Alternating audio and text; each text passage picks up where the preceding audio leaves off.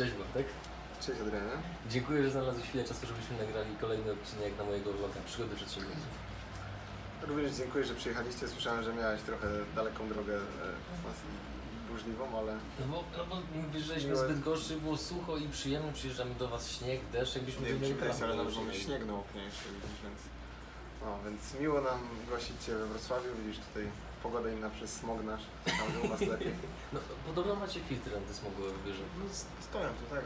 Aczkolwiek okazało się, że na naszym piątym piętrze jest o wiele lepiej niż nie w domu, więc tutaj gdzieś chyba nie dochodzi. I centrum miasta może tak nie palą w piecach, wiesz? Naprawdę, lepiej jest tu w centrum miasta niż gdzieś em, Na obrzeżach, tak? na obrzeżach, no. A O wiele lepiej. Ja też się spodziewałem, że to będzie syf straszny i Aha. mamy, powiem Ci, cztery takie, które powinny starczyć, cztery, cztery filtry, które powinny starczyć gdzieś na 30 metrów, coś takiego. Mhm. I nam ogarniają po podłodze 300 metrów, no wiesz, tu kubatura jest duża, bo sufit jest bardzo Tak. wysoki, nie? I mamy tu, no powyżej tych 10-11 jednostek nie, nie idzie. I jest odczuwalna różnica w jakości powietrza? Czy bo, bo wiesz, To jest- ktoś- bo znowu to jest, wiesz, pamiętajmy, taka że oglądają historia, nas Polacy, nie? I oni powiedzą, no dobra, czy to jest taki bajer, nie? Czy nie wiem tego, znaczy czy jest Aha. odczuwalna, to, to, to na pewno nie wchodzę i mówię, wiesz, jestem, jestem w górach alpejskich, ale mieliśmy taki problem, że nam strasznie jebało rano, nie wiedzieliśmy gdzie jest jakiegoś syfonu z rynny. I od kiedyś tu prowadziliśmy on był. I słuchaj, mieliśmy tutaj, tam było moje studio no, mojej żony za ścianą. Aha. I tu mieliśmy te filtry i myśleliśmy, okej, tutaj to przestało być, nie wiedzieliśmy, że to przez filtry, nie? A, a tam dalej nie wie. I sobie już ci chodzą, ci hydraulicy kombinowali no, z, z tego budynku, co tu może być. Aż w końcu jak tam przenieśliśmy biuro, przyniosło na jeden filtr Mhm. i tam już nie śmierdzi, więc wiesz, okazało się, że ten smród tych takich, przez to, że tu jest rynna spływająca do kanalizacji, Mhm. jest na niej w ogóle jedyne na świecie kolanko na rynnie, tylko Mhm. dla nas zrobione, tam zobacz na budynku, to, to był taki dziwny zapach, no, taki wiesz, kibelkowy, jak się rano wchodziło. No i go nie ma, więc to nawet jeśli nie smog, to chociaż nie mamy kibelkowego zapachu. Czyli działają. Dobra, zanim w ogóle przejdziemy jeszcze do tematu biura, bo macie naprawdę wyjątkowe biuro, strasznie mi się podoba. Natomiast zanim do tego przejdziemy, to chciałbym, żebyś nam troszeczkę opowiedział, co robiłeś w ogóle zawodowo, zanim powstała agencja. Wiesz, ja z wykształcenia jestem psychologiem, O, e, więc jestem To troszkę niespodzianka. daleko od e, swojego, mm, swojego wyuczonego zawodu w pewnym sensie. mhm. Em, I kurczę, to wiesz, to, to długa historia. W sensie, no, trochę pracowałem w Irlandii na studiowałem dziennie. Brałem zawsze, męczyłem wykładowców, że nie puścili miesiąc wcześniej, wrócił miesiąc, że wrócił miesiąc później. Byłem tak 4, 3,5-4 miesiące w Irlandii, gdzie pracowałem jako barman, nie pijący. E, Mhm. i, i zarabiałem sobie tam na rok życia w, w Wrocławiu, nie? E, I jakoś na czwartym roku poznałem swoją żonę, e, z którą wtedy też pojechaliśmy do Irlandii, jakoś tak zaczęliśmy myśleć, co by tu zrobić.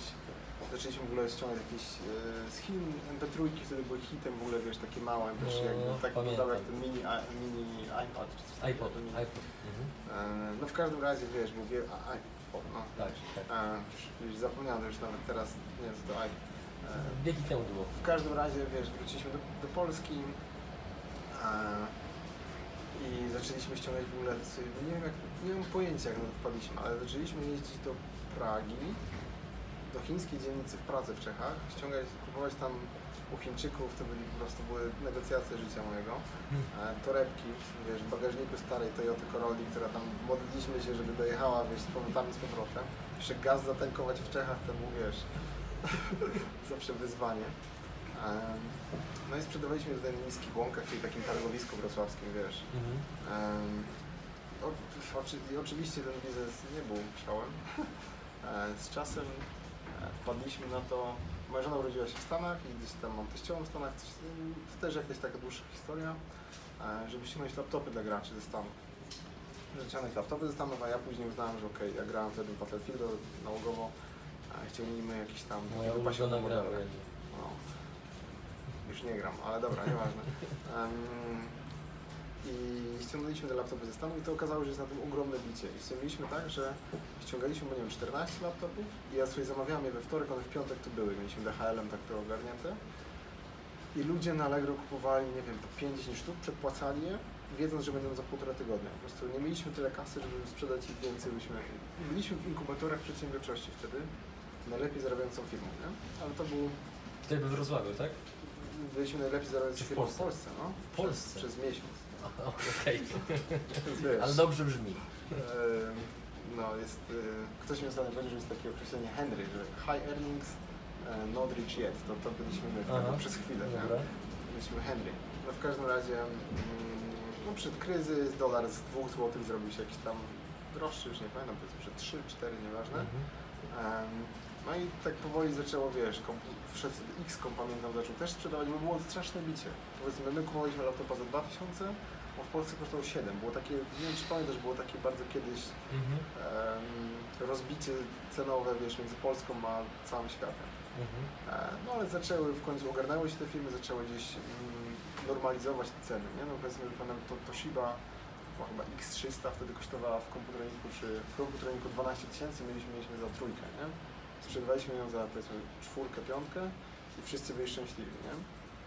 E, No ale przed X.com zaczął gdzieś tam to e, normalizować trochę i em, no, całą tą kasę wpakowaliśmy w serwis laptopów, który miał te nasze sprzedane laptopy, bo częścią nich byliśmy gwarantem, miał je e, naprawiać. A moja żona, mm, poszliśmy tak wiesz, trochę all in, ona nie wiedziała co to jest przysłona w tamtym czasie, e, zrobiliśmy studio dla niej, nie? bo ona zawsze była taka bardziej artystyczna, w sensie bardzo złe określenie na moją żonę, ale bardzo ładnie rysowała i tak dalej, uznaliśmy, ok, może to jest e, coś, co jej podpasuje. Tak trochę nie mam pojęcia, jak do, do, do tego doszło. No i z tych dwóch biznesów jeden okazał się hitem. E, chyba łatwo się domyśleć, który. Bo nie siedzimy w serwisie laptopów dzisiaj, ale Mhm. No i tyle. Ten serwis w ogóle zamknąłem dopiero rok temu. On był pewnie z 9-10 lat na rynku. Miałem naprawdę takich chłopaków, którzy zaczynali ze mną i on był na stracie pewnie już z 5 lat, e, rok po roku, ale to wiesz, był taki gdzieś tam sentyment, nie? Mhm. Pamiętam jak zaczynałem, uczyłem się wiesz, tam ściągać klawiatury i tak dalej. No w każdym razie w tym serwisie e, nasz, e, nasz, nasza agencja miała swoje pierwsze chwile, więc jak my z Wojtkiem zaczynaliśmy to jak pamiętam lutowali BGA, był taki smród, wiesz, to, to, to my z Wojtkiem wiesz tam siedzieliśmy, albo jak było głośno z jakiegoś powodu Wojtek na słuchawce sprzedawał pozycjonowanie za 500 zł, to, e, to, mm, to musiał się tłumaczyć, że w tle wiesz hałasy chłopaków, którzy robili sobie bekę z czegoś albo e, to były początki LFA, nie? W sensie Aha. na tęczowej wtedy było nas mm, razem z chłopakami z serwisu było nas 7 osób na 30 metrach, więc to było takie, Mhm. wiesz, łącznie z częścią dla klienta i wszystko. Okej. A no, bo ja jeszcze trochę podrążę. Te, bo to były różne biznesy. Co było motywacją przy ich zakładaniu? No bo one są tak mimo wszystko oddalone od siebie, jeżeli chodzi o branżę, że no, musiał być jakiś punkt wspólny. To było rozłożone w czasie, wiesz, i to jest trochę tak, że ja na początku, em, przez to, że mój ojciec był biznesmenem we Wrocławiu, e, w pewnym sensie nawet dość znanym, to jest Leclerc w Wrocławiu, którego ziemię on sprzedał do Leclerca. To był taki, wiesz, biznes jak to był w latach 90., nie? On Mhm. miał hurtownię papieru, kupował, sprzedawał. Ja gdzieś miałem to chyba, tak mi się wydaje, wdrukowane w głowie, że to gdzieś handel, nie? Mm, Z tymi MP3-kami, Okej. torebkami. Szybko zweryfikowałem, że to nie do końca jest chyba moja umiejętność i ja się nie nadaję do tego, bo tam jeśli chodzi o laptopy na przykład, to były takie układy, że wszyscy jeździli gdzieś tam na wódę, wiesz, w tych hurtowniach, dogadywali jakieś deale, Aha. trochę taki, no takie były czasy, nie? To, to, to wszystkie sklepy z laptopami zarabiały wtedy i komputerami dużo kasy, ale to były takie trochę tak zwane wąsy wtedy, nie? Które to, tacy Janusze, nie? Którzy to ogarniali i ja się w to nie wpasowywałem i miałem wtedy taką wizję, że okej, trzeba pójść w jakieś usługi. Stąd powstał serwis, na którym się kompletnie nie znałem. W sensie robiliśmy najbardziej zaawansowane naprawy płyt głównych i tak dalej, przelutowaliśmy części BGA i w ogóle i mieliśmy do tego chłopaków, ale wtedy zrozumiałem, że jeśli chcesz założyć coś, co będzie zajebiste, to ty musisz być tym Ekspertem ekspertem, tak. Ty musisz być osobą, że jeśli przyjdzie do Ciebie powiedzmy pracownik i zacznie Ci coś tam e, opowiadać, Ty musisz, jeśli nawet się czegoś nie da, albo jest trudne, Ty musisz przejść, przejść ten szlak, albo Ty musisz mieć tą porażkę, bo nie zawsze jest tak, że wiesz, się uda. Albo mm, Ty musisz pokazać, że to się da zrobić, nie? E, I też z innego punktu rozmawiasz wtedy z klientami, z ludźmi. Chyba, no i stąd to pozycjonowanie to było tak w ogóle, że moja żona wypowiedziała umowę mm, w jakiejś tam firmie, bo trochę nam się kasa nie zgadzała, wiesz. Ja wypowiedziałem w serwisie, bo Bida tam nam spojrzała, wiesz, w oczy e, i wiesz, 800 zł, ale wtedy to były, wiesz, to, to wiesz, to, to oglądaliśmy je trzy razy, Mhm. zanim wydaliśmy i jak je wypowiedzieliśmy, to uznałem, że jakoś to w końcu ogarnę, to był taki mój, trochę taka moja żaba, nie? Jakby powiedział Brian Tracy do Season, ja tak odwlekałem, to odwlekałem i w końcu mówię, dobra, siądę do tego. I zajęło mi to wyjątkowo długo, ale po trzech miesiącach rozkminiłem, że wszystko co oni robili, to kupowali punkty w Statlinku i linkowali naszą domenę, nasze domeny i kasowali za to tam 800 czy więcej złotych. Nie? A mówiąc językiem laików, Czyli kupowali podłączenie do jakiś system wymiany linków za 30 zł, czy tam powiedzmy, że Tak. nie wiem, w szczytowym miesiącu za 50 e, i kasowali nas za to kilkanaście razy tyle, nie? I wtedy Okej. te agencje sobie się tak skalowały, ty nie kojarzysz, te agencje Tak. miały 2-3 tysiące klientów, e, wiesz, i 50 pracowników, nie? Mhm. No i tak mnie to oburzyło w pewnym sensie takim, że myślę sobie, kurczę, wiesz, że ludzie tak to robią, a, a może da się zrobić to lepiej. E, I nasze początki były głęboko black hatowe, nie? W sensie, Co jest Black Hat? czyli Pytam do tego, staraliśmy się oszu- może nie wiedzieć. oszukiwać algorytm, nie? Okej. Czyli e, nasz pierwszy setup to były, wiesz, chyba 3-4 serwery z tak zwanym z czyli takim programem, który włamywał się na fora, w sensie włamywał się, to jest mocno powiedziane, logował się na fora, tworzył sztucznych użytkowników i zarzucał to kontentem, nie? Okej. To był taki content marketing w wydaniu polsko-rosyjskim, bo narzędzie było rosyjskie. Em, no i był, pamiętam, że miałem dumę wielką z tego, że w pewnym momencie chyba skonfigurowałem z 12 serwerów i mieliśmy 4 miliony linków na e, minutę. Na minutę. Na minutę, tak. I, i, to był, I to zweryfikowanych, nie takich, że gdzieś wysłało, tylko że odwiedził później, one tam były, nie? E, I wiesz, mieliśmy takie frazy jak live sex top 1 w Stanach, nie? Mieliśmy, tylko jakby ta afiliacja, to wszystko nam się, znowu trafiliśmy na taki moment trochę jak z tym dolarem, nie? Że to zaczęło lecieć, przyszły pingwiny i... ale Pingwin? mieliśmy Kto jest pingwin? Algorytmy, Algorytmy. które target, Mhm. targetowały jakby te, te wszystkie działania, które były nie do końca nie do końca marketingiem, nie? No. E,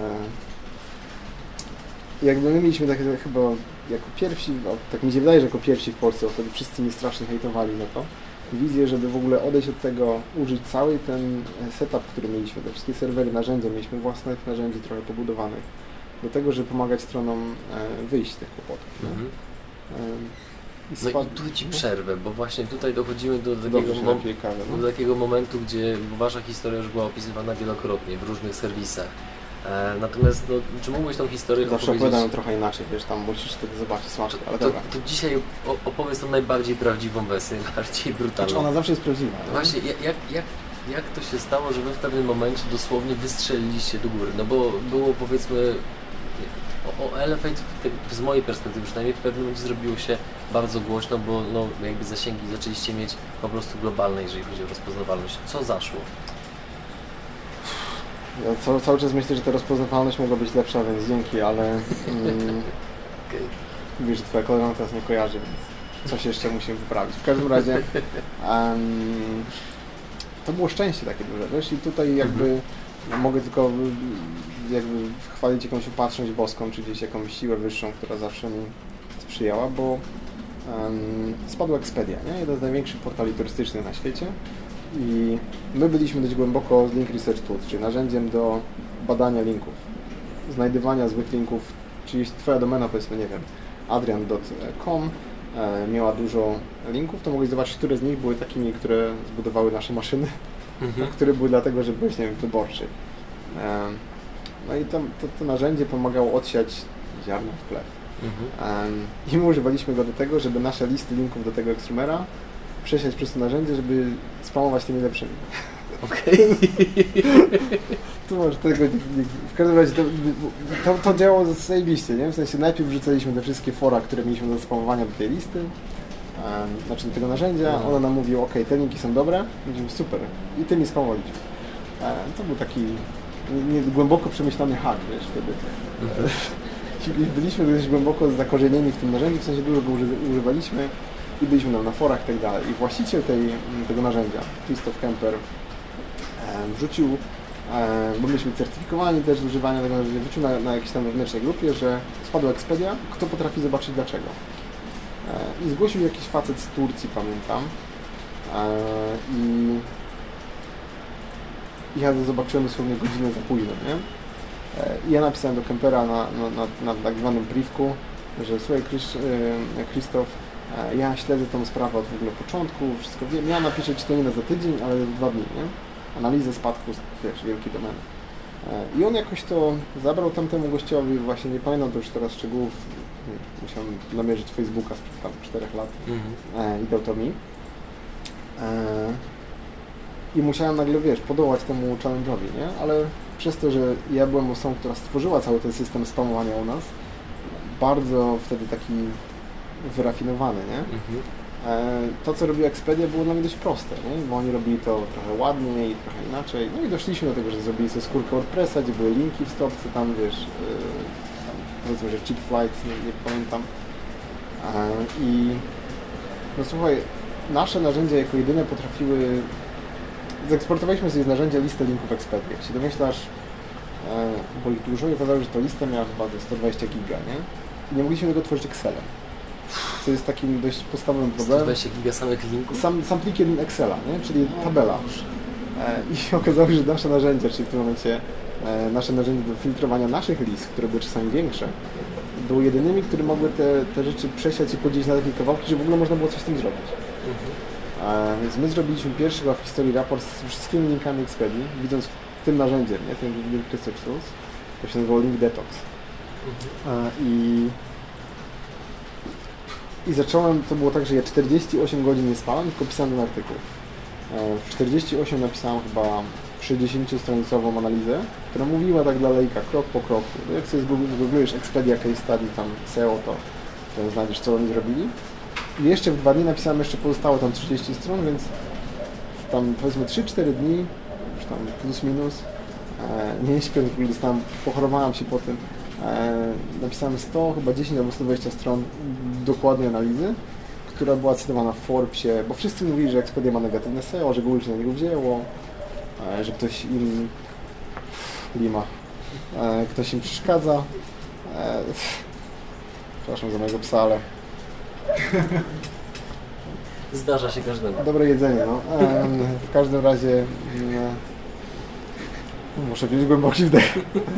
W każdym razie, wiesz, to poszło bardzo wirusowo, także nie spodziewaliśmy się. W sumie w ciągu dosłownie jednej nocy e, mój inbox zalał się taką ilością zapytań od dużych brandów z całego świata, wiesz, znikąd. Kiedy my wcześniej, wiesz, tam pchaliśmy to tam Mhm. payday loansy, czy, czy już nie wiem, co to tam było w tamtym okresie. Em, słuchaj, wiesz, tam było w mailu, słuchaj, e, spadliśmy, e, nie wiemy co zrobić, mamy podobny kłopot jak ten, co opisałeś, e, czy możesz nam pomóc, nie? Bo zobaczyli ludzie, że da się to pierwszy raz w historii Google zaczęło ścigać duże brandy, ludzie zobaczyli co to jest, czyli taki mainstream to uderzył i to było w USA Today, w gazecie drukowanej, nie? To było w sensie wzmianka i Tak. odnośnik do mojego, jakieś tam było cytowane moje, moje znaleziska. E, I ja myślałem, że ten mój inbox jest tak zawalony. Pochorowałem się, nie odpisałem na połowę tych maili, bo wiesz, po prostu byłem zupełnie, że jakąś anginę miałem. Jeszcze, wiesz, dziecko w domu to było jakaś, jakaś, jakiś, popłoch, nie? Moja żona tam już na skraju wyczerpania, bo wiesz, ja przez te 4 dni nie śpiąc jeden nic nie zajmowałem dziećmi, tylko dzieckiem Mhm. wtedy jeszcze jednym. E, tylko pisałem, później się pochorowałem. To było, to było piekło. I jak już odpisałem gdzieś powiedzmy w ciągu 10 dni czy dwóch tygodni te wszystkie maile, to mm, jakoś to było, że mój wspólnik miał dostęp do mojej skrzynki, Wojtek, mówi, ty słuchaj, ty masz w spamie jeszcze trzy razy tyle, nie? I zacząłem odpisywać, że przepraszam, że pisuję po trzech tygodniach, nie? I my zebraliśmy z tego już tam różne kwoty, potem, ale w każdym razie na tamte czasy bardzo dużo pieniędzy w lidach, cały rok nasza agencja, która była w momencie publikacji, ja, Wojtek i Przemek, taki nasz e, ala deweloper, mm, miły gość, którego no było nas trzy osoby. Na zapleczu już takiego Tak. nowego miejsca z serwisem laptopów, czyli mieliśmy drugi oddział serwisu laptopów, mieliśmy tam 25 metrów. Mm. No i tyle, no i to zaczęło rosnąć. Wiesz, ja pamiętam jak pojechałem do Łukasza, który siedzi za ścianą, e, to Łukasz myślał, że ja mu będę jakiś odkurzacz sprzedałem. Mówię, że stary, biznes mi poszedł, mamy, wiesz, tyle kasy, że tyle zarobimy, musi mi pomóc w tym, wiesz, bo nie chciałem uczyć kogoś tak z czapy tego wszystkiego, nie? Wiedziałem, że to będzie parę miesięcy. Potrzebowaliśmy kogoś, żeby nam pomóc to przerobić, więc Łukasz wtedy pracował gdzieś w jakiejś firmie związanej z elektryką. Pewnie się oburzy, że nie wiem dokładnie, co, co on tam robił. Jakieś instalacje elektryczne, czy projektował, czy nieważne. Ja mówię, Łukasz, rzucaj to, chodź do nas, nie? A on mówi, no rzucę robotę, ale ty, czy to wam idzie, czy co? Ja mówię, że no stary, mam miliony monet tam na mailach, nie? Mhm. znając mnie, nie do końca mi w to uwierzył, wszystko, wiesz, e, długo musiałem go przekonywać, wiesz, i, i to było takie, e,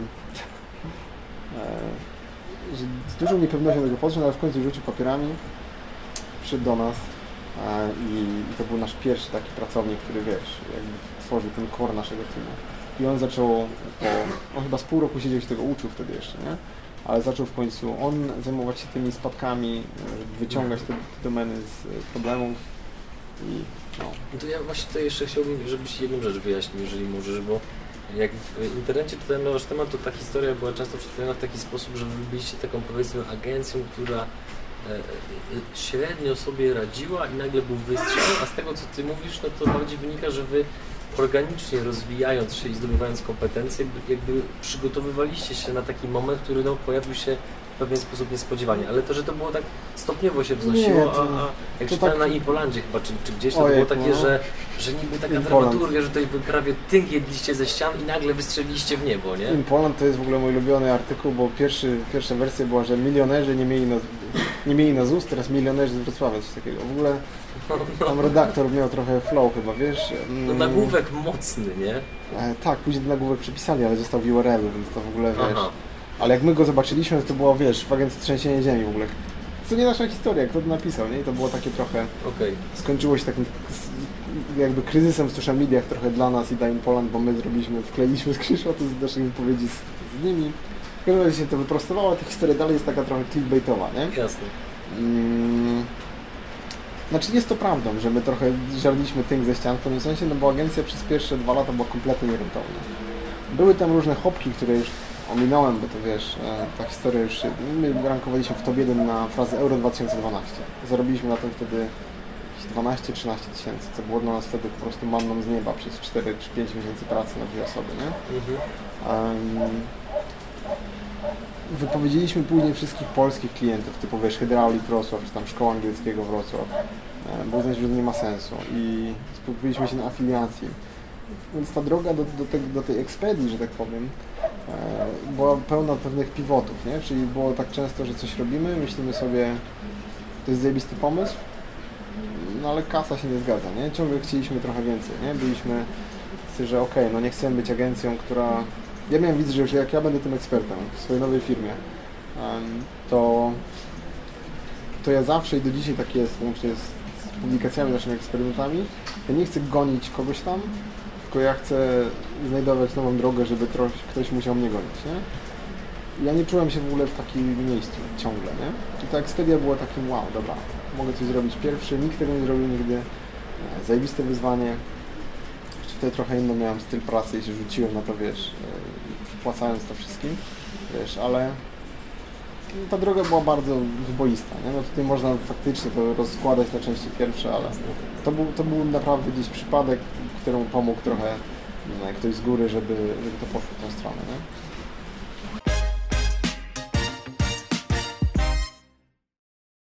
Skąd pomysł na nazwę firmy? Czy to był jakiś przypadek, czy to był jakiś świadomy proces? Bo wielokrotnie gdzieś tam widzę wśród znajomych bądź wśród młodych przedsiębiorców, że oni wymyśleniu tej nazwy poświęcają taką ilość uwagi, czasu i energii, że najczęściej potem ich paraliżuje na kilka tygodni. A jak było z Wami? Skąd nazwa Elevate? Co wiesz, to, to znaczy miałeś to pierwsze pytanie, czy to był świadomy proces czy przypadek, to jakby większość naszych działań jakby klasuje się w tą drugą kategorię, chcąc nie chcąc. W sensie, no, no gdzieś na pewno temu pomagamy, ale dużo rzeczy się układa zawsze po naszej myśli i to gdzieś tam e, jest pewnie osobny temat. No w każdym razie ja lobbowałem za nazwą fatguys.com, nawet miałem domenę przez jakiś czas, bo com albo co, już nie pamiętam. E, I, I Wojtek z jakiegoś powodu nie zakochał się w tej nazwie. Dziw, dziwne, prawda? Nie wiem, po prostu wiesz. Więc są uroki właśnie posiadania wspólnika, nie? I no, musieliśmy szukać czegoś innego, a przez to, że zajmowaliśmy się w tamtym momencie e, branżą e, kasynowo-erotyczną, to były takie cięższe tematy, czyli cięższe i, finansowo takie cięższe słowa kluczowe, no to uznaliśmy, że coś może było, coś, zaczęliśmy bawić się z, z opcją Elevate, nie? Mhm. ale to było takie mało kreatywne, a ja jestem święcie przekonany, że jak jesteś w marketingu, w tym dziale- w którym jesteśmy, to musisz troszkę wyróżniać niż wszyscy inni. Czy jakbyśmy stworzyli sobie, wiesz, online marketing agency.com, to, jest po prostu, a są takie brandy, to, to, to po prostu wiesz, to by pokazało już na dzień dobry, że trochę to jest lipny pomysł, nie? Więc zaczęliśmy szukać czegoś bardzo kreatywnego i to było ciężkie, bo no, musieliśmy jakby dwie wizje złączyć w tym trochę, nie? Wojtek jest bardzo taki u nas konserwatywny, ja też się to takie uważam, ale on uważa inaczej. E, i jakoś to wyszło, że zaczęliśmy z tym elevate, że myślę, że to jest spokój, że to jest słoń, że to jest elevate i elefant, nie? czyli że masz podnoszenie czegoś ciężkiego, co było dokładnie tym, co robiliśmy. I pamiętam, że kom było zajęte. Ktoś chciał to opierdzielić, tą domenę i my wtedy dla nas, nie pamiętam, no, ta, ta kwota była wtedy, jak większość kwot, e, kwotą e, z nieba. Więc wzięliśmy sobie .co, uznaliśmy haha e, i tyle, nie? I teraz już mamy kom, no bo po jakimś czasie ten, ten gość już chyba uznał, że jak tam 7 lat czekamy, czy nie pamiętam, 5, to, to już chyba nam nie zależy tak bardzo, już nie pamiętam, ale kupiliśmy to kom za jakieś tam śmieszne pieniądze. Pewnie nie było wielu chętnych też, jakby nie patrzeć. Um, no i to koniec chyba historii, nie? I wtedy zrobiliśmy jakiś tam szybki logo z jakimś słonikiem, co tam chyba, nie pamiętam, co się tam działo, podniesioną trąbą, tryskał wodą, nieważne. E, I, I tyle, nie? To był nasz cały branding wtedy, nie? Skó- Skórka na WordPressie e, i, i wiesz, i, i tam znajomy grafik za flaszkę coś tam poskładał, nie? A to skoro już wspomniałeś po raz kolejny swojego wspólnika Wojtka, to w jaki sposób się uzupełniacie w swojej pracy i w ogóle w jaki sposób się dobraliście oraz co, na co według Ciebie należy zwracać uwagę dobierając sobie wspólnika do spółki? Dużo, em, dużo pytań w jednym pytaniu. Mm, ogólnie zaczynając od, od, od przedstawienia Wojtek, e, Wojtek Mazur mm, jest moim wspólnikiem, dlatego że e, poznałem Wojtka jak pracował w sklepie Nikona. Sprzedawał, e, był kierownikiem sklepu Nikona w Wrocławiu w Magnoli. A moja żona była fotografem i chciała mi kupić aparat na nowy aparat Załóżmy, że na urodziny. Nie mam pojęcia. Em, dobrze zabrzmi, nie? Bardzo. Em, I, I Wojtek był sprzedawcą, jakoś tak zaczęliśmy gadać, on zobaczył Oli portfolio jakoś tam to, ta znajomość się nawiązała. I później robiliśmy w studiu mojej żony, która robiła często jakieś takie imprezy w swoim studiu otwarte. Em, Wojtek na to przyszedł, jakoś tak się zapoznaliśmy. I wiesz, fast forward trochę patrząc do przodu. z jakiegoś powodu wracałem z, e, z pracy do domu, właśnie po tym rozkminianiu tego pozycjonowania wtedy i myślę sobie, ok, nawet jak ja to zrobię dobrze, no to takie moje naiwne wtedy myślenie, to ktoś musi to pierdzielić, nie? Czyli ktoś musi być tą osobą, która mm, będzie umiała to sprzedać. No jako, że moje grono znajomych widocznie nie było na tyle szerokie, bo Wojtek nie był nigdy sprzedawcą, teraz nie do końca swój proces myślowy umiem powtórzyć, ale wydało się spoko ziomkiem, ja go nawet tak dobrze nie znałem wtedy, nie? Um, uznałem, ok, podnoszę słuchawkę, mówię Wojtek, nie wiem czy kojarzysz mnie, jestem Bartek, żartuję, ale coś w tym rodzaju. Um, mam pomysł na biznes, chodź, zrobimy to, nie? I, I zawsze nie lubię ludzi, którzy tak robią, bo mam dużo znajomych takich, wiesz, którzy mają startupy co tydzień nowe. Mhm. Ale ja byłem bardzo wtedy przekonany, że to jest to. I wierzyłem, że jak wiesz, włożę w to wszystko, to... No i Wojtek pracował w tamtym momencie w Weissmanie. Był, a widzisz, był sprzedawcą chyba wtedy, na stanowisku sprzedawcy, czy, czy jakieś, coś w tym rodzaju. Sorry Wojtek.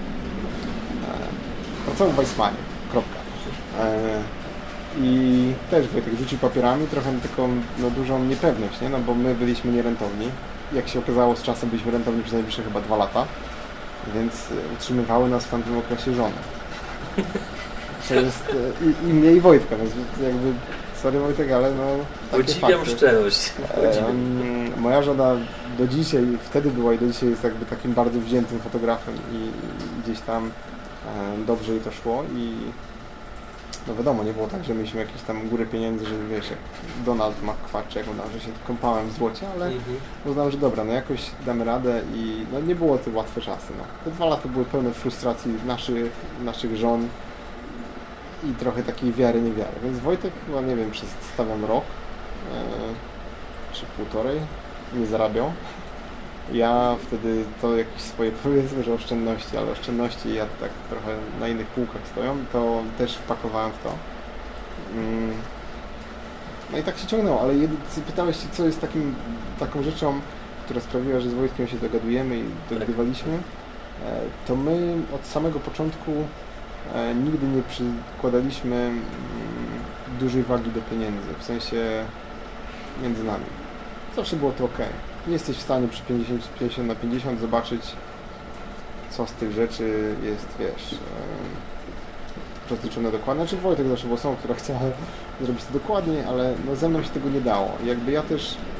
Mm, były różne momenty. Na początku był moment, że Wojtek był takim jakby koniem pociągowym z tą sprzedażą na słuchawce i naprawdę miał przesraną robotę. E, Później było trochę tak, jak ruszyła ta ekspedia, że Wojtek trochę w pewnym sensie trafił na mm, taką pozycję trochę jakby słabszą w pewnym sensie, jeśli, jeśli byśmy tak na to patrzyli.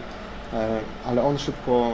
e, Masz na myśli rozpoznawalność, tak? Czy, czy, nie, czy, chodzi mi bardziej o to, że jego funkcję, nie? W pewnym sensie nagle e, jego funkcja sprzedaży przestała być tak potrzebna. Zresztą on Mhm. wtedy też się aż tak już nie zajmował tym, wtedy robił się afiliacją, wtedy robił te stronki. E, I on szybko jakby sobie gdzieś to poukładał, że on zrobi content marketing, który wtedy w Polsce jeszcze nie istniał w ogóle. Mhm. Whitepress był w Polsce content marketingiem, do dzisiaj jest, takie wiesz, kupowanie bardziej Tak. tych artykułów. Em, a on mówi, ok, zrobię to tak wiesz, tak jak robią na świecie w Polsce. I ja pamiętam, e, Wojtek mnie poprosił, była taka babeczka bardzo dobra w tym, no nie będę już podawał e, nazwisk, bo to tam jest taka historia właśnie. E, ona mnie poprosiła, żebym ja nauczył Black Hatu, czyli tego spamowania, e, a ona Wojtkowi pokaże cały swój workflow, to jest babka taka bardzo rozpoznawalna na świecie, która miała świetny, jak ona zdobywa em, linki, artykuły, wzmianki bez żadnego, e, tak z czystymi rękami, nie? Czyli jak nawiązuje relacje z blogerami, jak robi content, który zdobywa linki sam. Ja pamiętam, to było, ona była w Stanach, mm, bo ona była ze Stanów e, i ona z Wojtkiem miała kole, ja miałem z nią kole, ja potem znam jak tam spamować, jakby, co już trochę było takim... Uczyłeś się ciemnej strony mocy, tak? Tak, a ona nas uczyła jasno i to była taka bardzo dziwna relacja, nie? W sensie ja miałem z nią kole na ten temat, a Wojtek miał z nią na tamten, nie? Ale jej setup był strasznie złożony, bo ona w pewnym momencie miała tak, że miała kilkuset czy kilkudziesięciu ludzi, e, którzy to robili. Ona bardzo się wzbogaciła na, na tych zmianach w ogóle wtedy i jakby chyba do dzisiaj z tych pieniędzy gdzieś tam żyje, ale była w tym wyjątkowo dobra. Miała całe setupy, wiesz, takie, że jak przed mail to cały proces, co się z nimi dzieje, no. My to trochę uprościliśmy, bo no, nie była nam taka skala potrzebna. E, No i Wojtek, mm, pamiętam, że też to chwilę zajęło. E, W każdym razie mógł się rozwinąć skrzydła z Morizonem. Nie? To był chyba nasz pierwszy klient e, w Polsce, który przyszedł po content marketing. W Polsce mówię, nie? bo wcześniej robiliśmy to poza Polską i to bardzo fajnie działało, wiesz. Mhm. Dla... Już nie pamiętam brand, to dawne czasy. W każdym razie Morizon był pierwszy, gdzie powiedzieliśmy OK. I to było takie w ogóle dziwne spotkanie z Morizonem. My do nich poszliśmy, mówimy, słuchajcie, trzeba wywalić wam praktycznie wszystkie linki, które macie.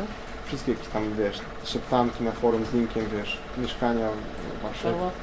I oni, no w pewnym sensie tutaj do, do Jarka z Morizona taki duży ukłon, w pewnym sensie pili to, nie? W sensie uwierzyli w to, że żeby faktycznie coś zrobić, to muszą być pierwsi, nie tylko wtedy, no bo wiesz, teraz to każdy mówi, że robi content marketing od 10 lat, nie? Tak, tak, tak. Em, to tak nie było, w sensie wtedy my powiedzieliśmy, nie będziemy tego kupować na WordPressie, nie będziemy płacić za, za linki. Um, 2014, nie, nie pamiętam dokładnie, czy 15. Em, my zrobimy to tak, że stworzymy em, taki setup. Na początku to był Blogger Outreach, czyli pisaliśmy do blogerów, fajny jakiś content im wyrzucaliśmy. I przez to, że Blogger Out- Outreach też zaczął być trochę taki piętnowany z czasem przez Google, jako już powiedzieli, że to już nie jest ok anymore, Mhm. to, mm, to zaczęliśmy robić wirusowy content, czy tam jakieś artykuły o sąsiadach, o studentach i tak dalej, które faktycznie były wiesz, w gazetach później podciągane i tak dalej, i tak dalej. Więc odpowiadając na Twoje pytanie, no to z Wojtkiem było trochę tak, że, że, że, że mieliśmy do siebie dużą cierpliwość, nie? I jakby nigdy nie było takiej rozmowy, chyba do dzisiaj nigdy, że wiesz, pod tytułem, nie wiem, że e, ja to zarabiam tyle, ale ja tyle, albo coś takiego, nie wiem, zawsze jak potrzebujemy kasy i wiesz, to jest trochę tak, że możemy na siebie liczyć. Em, nigdy ta kasa nie stanęła między nami. Mi się wydaje, że tak obserwując, bo każdy mnie odradzał wspólnika. E, Każdy. W sensie, domyślam że Wojtkowi też. Nie, nie przez Wojtka, nie? tylko ogólnie, że każdy mówi, no będziesz miał wspólnika, to jest przesrane, nie idź w tą stronę. to, to zawsze słyszałem, że chyba największym kłopotem były, była kasa, nie? Mhm. No okej, ale natomiast Czekaj, tylko... A, myślałem, że to pizza albo kurier. Albo kurier z pizzą, okej. No. Natomiast to, co jak powiedziałeś, to z mojej przynajmniej perspektywy tak świadczy troszeczkę o tym, że macie y, podobny sposób patrzenia po prostu, bądź podchodzenia do kompletnie. pieniędzy. Znaczy do pieniędzy też kompletnie inny. Okej, natomiast co robicie innego, że akurat w waszej spółce dogadujecie się bardzo dobrze, pomimo tego, że rośniecie bardzo szybko, a jednak mimo wszystko większość spółek się rozpada. Jaka jest twoja teoria? Po pierwsze nie zakładam, że dogadujemy się bardzo dobrze z każdym tematem i ze wszystkim, bo Okej. mamy do siebie duży szacunek. Na Mhm. większość rzeczy, jakbyś zadał mi teraz 10 pytań mini Wojtkowi, tak jak w tych kiedyś były takie, wiesz, TV show Tak. randkowe, to pewnie nasze pytania byłyby diametralnie po dwóch stronach. Um, Mhm. Od y, samochodów, wyboru samochodu do, do praktycznie wszystkiego. Jakby Wojtek jest osobą bardziej konserwatywną, trochę bardziej na pewno oszczędną. W sensie domyślam, że większość jest bardziej oszczędna niż ja. Em, nie jest to moja mocna strona. Staram się. Em, Wojtek jest na pewno bardziej taki e, poukładany. Mhm. E, Ja jestem bardzo taki w gorącej wodzie kąpany, nad czym się staram pracować chaotycznie. Jak mam jakiś pomysł, to muszę, wiesz, wszystko rzucić często, zrobić to, bo, bo w to wierzę, nie? Mhm. Wojtek jest taki, że jak ma jakiś cel, on sobie, wiesz, rozłoży go na kroki, on go osiągnie, ale wiesz, nie, nie, rozpierdoli po drodze połowy biura i drzwi i wszystkiego, tylko zrobi to mą- mądrze, no, mądrze bez, bez air quotesów, mądrze. Mhm. Em, Więc tutaj jakby większość naszych rozmów e, moich z Wojtkiem jest pewnego rodzaju wymianą dwóch dramatycznie różnych poglądów z ogromną dozą szacunku do dwóch stron. Mhm. Oczywiście czasami ten szacunek jest mniejszy, czasami większy, bo czasami te rozmowy... Mają epitety na przykład, tak? Nie, nie, nie pamiętam chyba, żebyśmy... No nie, może, nie wiem, czy raz mieliśmy jakąś większą kłótnię taką, żebyśmy naprawdę nie trzaskał nigdy drzwiami, nie? Mhm. A czasami zakładamy, że okej, mamy różne zdania i jakby nie jest nam z tego powodu jakoś przykro, jakby żyje się dalej, nie? W sensie, jak spojrzę to z tej strony, to nic się nie zmienia z tym. Jak Tak długo jak nie jest rozmowa, oj, naszym najgorszym rozmowami to była strona agencji, Boże Święty. To chyba przez lata ściągnęło. My na stronę czekaliśmy z 4 lata, każdy z nas inną wizję w ogóle, znaczy podchodził.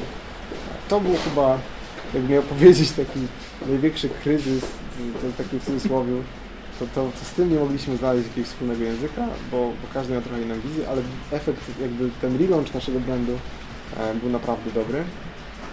Mhm. Trochę racji było po mojej stronie od początku oczywiście. Wojtku, nie możesz tutaj niestety swojego zdania wyrazić, przykro mi, jak Adrian kiedyś do Ciebie przyjdzie, to wtedy to będzie Twój czas. Więc Wojtek nie miał racji od początku.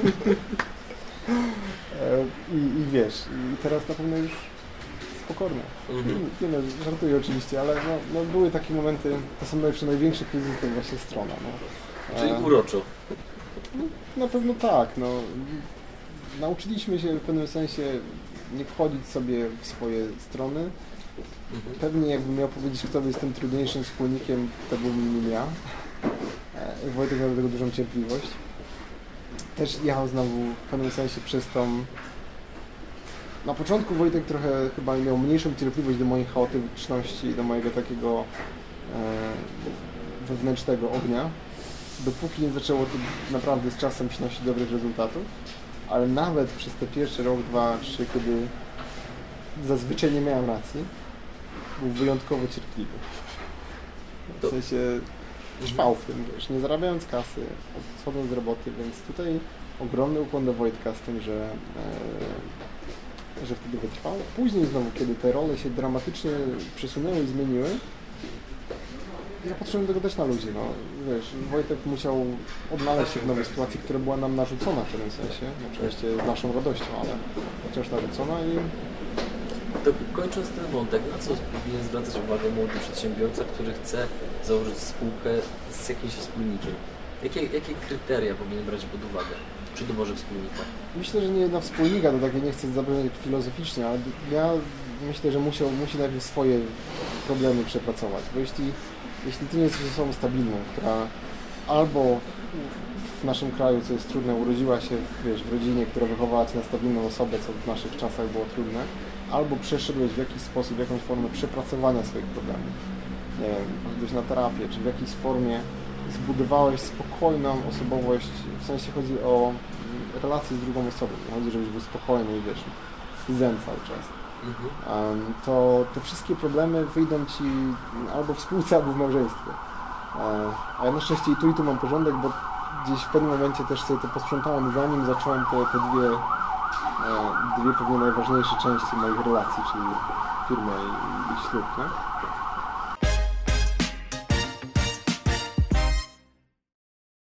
Czyli honory A z czym? z klaśnięciem.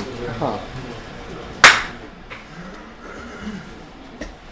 Wracamy po drobnej przerwie, którą e, zrobiliśmy na Pizza Day, znaczy Pizza Piątek, tak? Co tak, piątek. pan Cypionek Pizza Piątek, no. I właśnie, w internecie można znaleźć sporo informacji o tym, że wasze biuro jest dość wyjątkowe pod różnymi względami. Polecam GoWorka. Zgooglić sobie Elefate GoWork. Naprawdę można czytać przez pół godziny i No i właśnie skąd bierzecie pomysły coś na też te... tego GoWorka przyniesie. Nie, To jak będziesz chciał kiedyś e, poprawić sobie humor, to polecam. dobra, On się wy, wymknął spod kontroli. okej. To jest też, jeszcze zanim od- odpowiem na biurze, dobry dobra. przykład naszego podejścia z wspólnikiem. Ja kiedyś mówiłem do Wojtka, Wojtek, zróbmy sobie kompletną bekę z GoWorka, nie?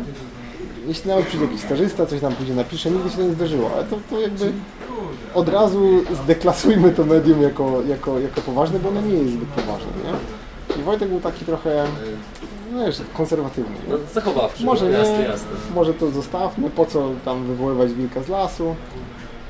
No ale ja znowu byłem sobą i, i, i to gdzieś przez przypadek poszło. No, Wracając do pytania, y, jakie macie takie smaczki biurze, co was wyróżnia i dlaczego robicie to wszystko, no bo tak jak już powiedziałem wcześniej, przed, zanim włączyliśmy kamery, nigdy chyba jeszcze nie byłem w tak wyjątkowym biurze, które miało tak wiele ciekawych elementów, że aż człowiek nie wie, gdzie, gdzie, gdzie patrzeć. Po co to wszystko? Dziękuję, no po, powstrzymuje nas jeszcze wciąż budżet, w sensie głównie mnie, pewnie Wojtkowi wystarczy. Ale e, o- od różnych rzeczy, od wiesz... em,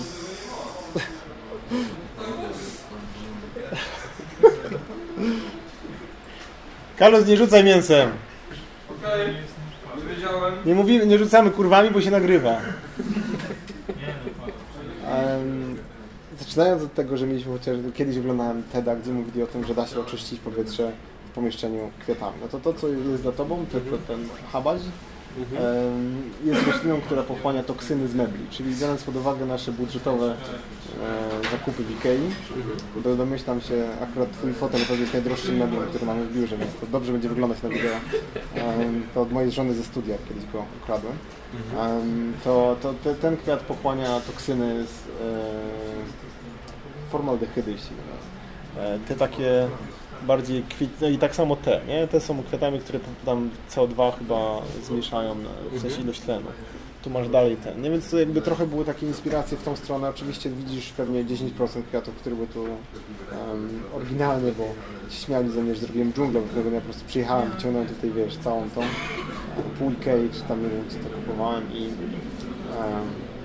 no w każdym razie to, to była jedna rzecz, nie? I faktycznie poczytasz o tym, dużo z tych kwiatów pomaga, ale później zacząłem czytać, okej, że faktycznie te kwiaty musiały być ich na, na tyle, jak sobie policzyłem, że to kasy, ile byś, byśmy mieszkali w dżungli, to myślę sobie, okej, żeby to powietrze poprawić, które wiesz, no powietrze jest bardzo ważne, w sensie takim, em, że ilość tlenu, jak to wygląda, ile ludzi nam choruje, em, jaki jest komfort naszej pracy, to jest jakby no istotne, nie? Nie, nie, wchodząc w ten temat zbyt głęboko, bo zaraz coś puryści mi powiedzą, że ten kwiat to ściąga co innego, a tamten co innego, nieważne. A Więc następnym krokiem, jak zobaczyłem, że zrobienie tego roślinami w takim stopniu, jakbym chciał, e, byłoby możliwe, ale ludzie by powiedzieli, że mam tu dżunglę, e, to powiedziałem, ok, pójdźmy z filtrami powietrza. I pamiętam jeszcze, to było też już jakiś czas temu, na początku nie było ich za bardzo w Polsce dostępnych, bo jak ten smog walnął, to były wykupione.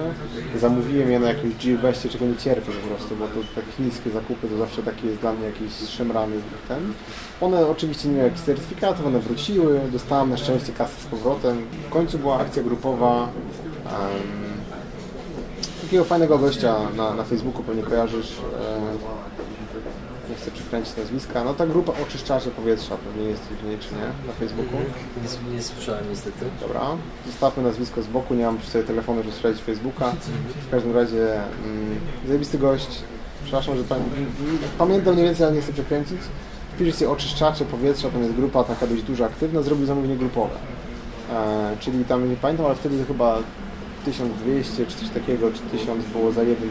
To zamówiliśmy e, cztery do biura, tak na próbę, zobaczysz, coś się zmieni. Jasne. Jak one tu przyjechały, mieliśmy powiedzmy 40, 50 ten poziom PM, PM2,5, on zjechał sobie do 10, 4. Co to jest PM2,5? To takie, te, te, te, ten, tak ten pyły, które wchodzą do Twojego krwiobiegu i powodują, nie wiem, ból głowy. Okej. Bo jest jeszcze PM10, które tam gdzieś osiadają Ci w płucach. Myślę, że to jest idealne miejsce dla jakichś purystów, żeby wkleili linki tłumaczące w, w komentarzach, ale... prosimy bardzo. E, ale te PM2,5 są tymi, które wchodzą do Twojego krwiobiegu. I ja gdzieś mając wiele lat jakichś zapaleń, infekcji za to i tak dalej, kiedyś zrobiłem na sobie eksperyment, tak jak e, lubiany przez Ciebie Tim Ferris i doszedłem do tego, że faktycznie to na mnie wpływa, na mnie, nie? Nie wiem czy na wszystkich, pewnie nie. I uznałem, ok, idziemy z tym.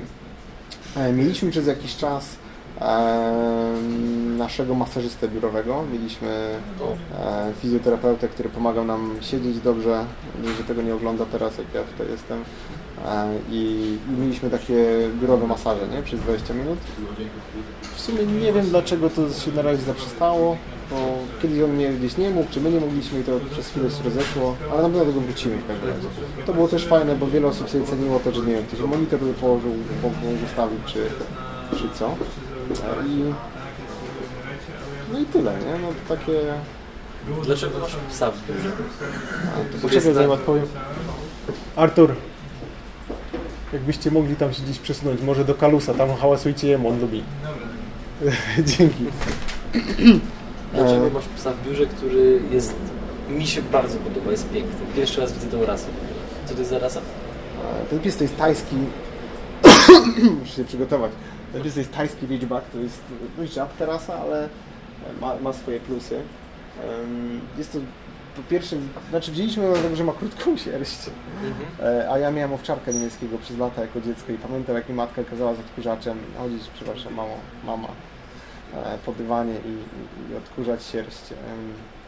Miejsce przy miejscu, pamiętam, jest cytatem mojej mamy, którego nie zapomnę. E, I to mnie zaprowadzało do szału. Ja nigdy w domu nie odkurzałem włosów mojego psa, to jest zimowa sierść, najdłuższa jaką ma, w lecie jest prawie łysa, więc to, to był pierwszy e, punkt sprzedażowy naszego psa. Drugi to jest jego wygląd, to, że jest e, w miarę taki unikalny, ale dla nas ważne było też, żeby pies nie chorował. Ja miałem owczarkę niemieckiego, która miała dużo kłopotów i spędziłem mnóstwo operacji i tak dalej. To jest teoretycznie najmniej chorujących ras, bo jest rasą pierwotną. Czyli jest niemieszana z niczym. No i, i wiesz, e, i, i tyle, nie? Tutaj jakby koniec historii. Trafił nam się egzemplarz, jaki się trafił, w sensie to jest pies po dużych, jak się okazało, problemach z socjalizacją i tak dalej. Przykład mówiłem, że tam ściągałem pierwsze trzy miesiące na rękach, nie wynosiłem z domu. Więc to nie był taki pies, jakiego sobie wymarzyliśmy. W schronisku nam nie chcieli dać psa, bo powiedzieli, że jak mamy dwa koty e, i dwójkę dzieci w domu, to, no, to, e, to się nie, nie kwalifikujemy do psa. Tam nawet taka nasza dalsza znajoma pracowała. I no i zostaliśmy z nią, no. I to jest jakaś taka misja nasza, nie? Bo na tego psa już e, w lecie godzinę z nią trenuję dziennie, żeby była normalna. Się boi wielu rzeczy. E, też jakiś behawior to różne pierdoły. Naprawdę dużo czasu z nią, z nią spędzamy i to, że jest w biurze jest częścią jej socjalizacji. Okej, okej. Ale Czyli też to jakby- biuro bardziej pomaga pieskowi, tak? Niż odwrotnie. Czy to jest Tak chyba Transakcja wiązana. Transakcja wiązana. Też nie- zastanawiałem się jakoś yy, dwa razy, czy ją wziąć ze sobą do biura. Uważam, że no nie mamy tu osób, które chorobliwie boją się psów. Jakby ktoś chciał wziąć swojego, Mhm. powodzenia e, z nią, ale też bym nie miał nic przeciwko, tak długo jakby nie było tu walk jakichś nielegalnych później między dwoma psami. Mhm. E, to też jest kwestia pewnie jakiejś tam klimatyzacji. E, no myślę, że jest to jakiś taki ocieplający nasz, czasami dosłownie nasz, e, nasz klimat. E, Mhm. Y, Czy według Ciebie te wszystkie czynniki, które wymieniłeś, jeżeli chodzi o Wasze biuro, czy one mają wpływ na to, że pracownicy przychodzą z większą ochotą do biura, lubią tu przebywać? Oczywiście wiem, że jako szef być może odpowiesz, możesz odpowiedzieć w sposób niemiarodajny, bo to jest Twój punkt widzenia, ale zakładam, że jakieś opinie na pewno do Ciebie docierają. Znaczy, mam taką dość, myślę... Przepraszam, mam myślę, że taką dość um, wyrobioną opinię na ten temat. E, myślę, że można podzielić te osoby na dwie albo trzy grupy. E, wydaje mi się, że starzyści, którzy zaczynają od stażu, często traktują to jako normę. To jest moje założenie, nie, nie, gdzieś, nie wynika z jakichś researchu czy rozmów. E, wiem, że osoby, które przychodzą e, z innych miejsc, w których często miały różne przejście takie dojrzalsze stażem, mm, bardzo sobie to cenią. W sensie cenią sobie to, że nie mamy jakichś sztywnych godzin pracy, że nie ma u nas jakichś tam zazwyczaj deadline'ów, takich rzeczy. Bardzo duży nacisk jest położony na to, żeby to miejsce było stress free, czyli jeśli nawet masz dużo e, tasków, to trzeba do tego podejść w taki sposób, który sprawia, że chcesz się rano przyjść. Wiem, że część osób sobie to ceni. Jest pewnie trzecia część, która ma to w dupie. e, zawsze taka jest. Czasami ja do niej należę, akurat nie w tym wypadku. Dla mnie było ważne, żeby codziennie rano, wiesz, jak e, się budzę, chcieć tu przyjść. domyślam, że mogło się zahaczyć jakieś Twoje następne pytanie, ale nie mam żadnych udziałowców w firmie. Jestem ja i Wojtek. To jest większość mojego dnia i gdzieś tam było dla mnie ważne, że przychodząc tu codziennie, żeby to miejsce było dla mnie takim, do którego chcę wrócić żeby nie stworzyć sobie czegoś toksycznego, czy w jakimś zalążku jakichś takich kłopotów to zdusić. Mhm. Tylko środowisko, w którym chcesz przebywać po prostu. Tak, no trochę tak jak w domu, nie? W sumie nie. Mam znajomego w branży, yy, czy już teraz nie jest w Wrocławiu, ale w branży, branży klubowej. Yy, robili jakieś takie popularne kluby we Wrocławiu i gdzieś tam. To wiem, że taki cytat jest zawsze utknął, yy, że ludzie się najlepiej czują w klubach, gdzie się czują trochę jak w domu. Mhm. E, czyli, że jest tam tak normalnie. No nie jest to takie za bardzo napuszone, jest trochę czasami bałaganu, trochę jest e, kwiatków po babci, wiesz, takich wyglądających. I, I, gdzieś tam wydaje mi się, że to jest też część. No, na pewno pies i jego nieszczęty czasami trudne do fizjologiczne problemy, które tutaj odczuwamy są krokiem zbyt do przodu, ale cała reszta pewnie gdzieś w tym pomaga. To jak już wspomniałeś o, o, o między innymi osobach, które do Was przychodzą do pracy, to jeżeli ktoś chciałby pracować w LFA, to co powinien zrobić? Kim być? Co umieć? Nie da się chyba włożyć do jednego koszyka. Na pewno większość ludzi do nas przychodzi z stażystów i mieliśmy chwilę porozmawiać e, o tym wcześniej. Bardzo mało, mały procent ludzi u nas jest ludźmi, że tak powiem, z rynku nad czym ubolewam, bo to jest jakby taki duży nasz e, rozwojowy e, spowalniacz. Nie możemy sobie dzisiaj zatrudnić 10 fajnych ludzi, bo ciężko nam ich znaleźć. Niezależnie od, od, od wynagrodzeń, to, jakby, to jest zupełnie inny problem pewnie niż nie wiem, co w software house'ach czy, czy gdzieś tam. To będzie kwestia kompetencji, tak? Tak. I też pewnego mindsetu, który jest dla nas ważny. Nie? Czyli... Co to jest za mindset? Taki statement, trudno to opisać tak na szybko, ale mindset taki, żeby ktoś, kto przyszedł, po pierwsze wygadał się z resztą ludzi, po drugie był osobą taką w miarę e, dla nas nietoksyczną, w miarę, no, całkowicie dla nas nietoksyczną, czyli żeby to, to była osoba, która wpasuje się w trochę tą e, naszą rodzinę, którą tu mamy, nie? Czyli e, czasami przychodzi ktoś, kto jest takim, wiesz, e, normalny gość czy babka i, i od razu widzimy, chyba nie chce na co dzień przychodzić i go oglądać. W sensie, to są to fakty, nie? No pewnie ktoś przychodzi też tak o mnie. No. Nie, nie winię wielu takich osób, ale to jest chyba najważniejsze po pierwsze. Po drugie, no jeśli mamy stażystów, e, no to e, taka umiejętność prawdziwa uczenia się. Nie widziałem chyba w życiu CV, gdzie nie byłoby napisane, że ktoś szybko się uczy i pracuje dobrze pod stresem. To e, są takie dwie rzeczy, które naprawdę wyrzućcie ze swoich CV to stres to jest tam inna sprawa, bo nie chodzi, żeby pracował dobrze pod stresem, tylko żeby się nie stresował pracą. To jest chyba zupełnie w Polsce powinno być od drugiej strony. Hmm. Bo ja tak odbieram, że mogę na Ciebie krzyczeć, a Ty będziesz wyluzowany, ale... Okej, okay. ciekawe założenie. No, pracuję dobrze pod presją, czyli zakłada, że praca jest presja, no to jest taki już na dzień dobry trochę mhm. toksyczne, ale nieważne, to jest taki mój humor zeszytów trochę w CV, ale mm, no my dużo stawiamy na dużą niezależność, czyli dużo ludzi przychodzi do nas i oczekuje pewnego rodzaju szkolenia podczas stażu. Ja kiedyś mówiłem o tym, że nie spodziewać się, że będziesz miał szkolenie, jak przychodziłeś na staż, tylko że będziesz musiał rozwiązywać problemy, które ktoś Ci daje i my wrócimy do Ciebie, możesz się dopytać, ale naprawdę, jeśli Twoje pytanie można znaleźć w internecie, to może powinieneś poszukać sobie innej kariery. Nie? Tak bardzo delikatnie mówiąc, nie było takich ostrych rozmów, ale no, to jest nasze podejście, żeby osoba, która potra- potrafiła sama rozwiązać problem, znalazła sobie sama coś, jarała się tym, co robi. To jest bardzo ważne, żeby ktoś chciał zrobić z tego karierę, żeby to nie było tak, że ktoś jest tutaj przez chwilę i to jest trudne, nie? Domyślasz się, że teraz znaleźć ludzi, którzy nie się tym jarają, są jeszcze zdolni, muszą mieć świetny angielski, co jest kłopotem.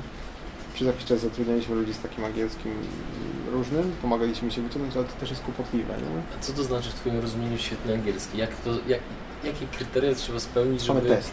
Macie test, jak? Ale to jest jakiś dos- ogólnodostępny?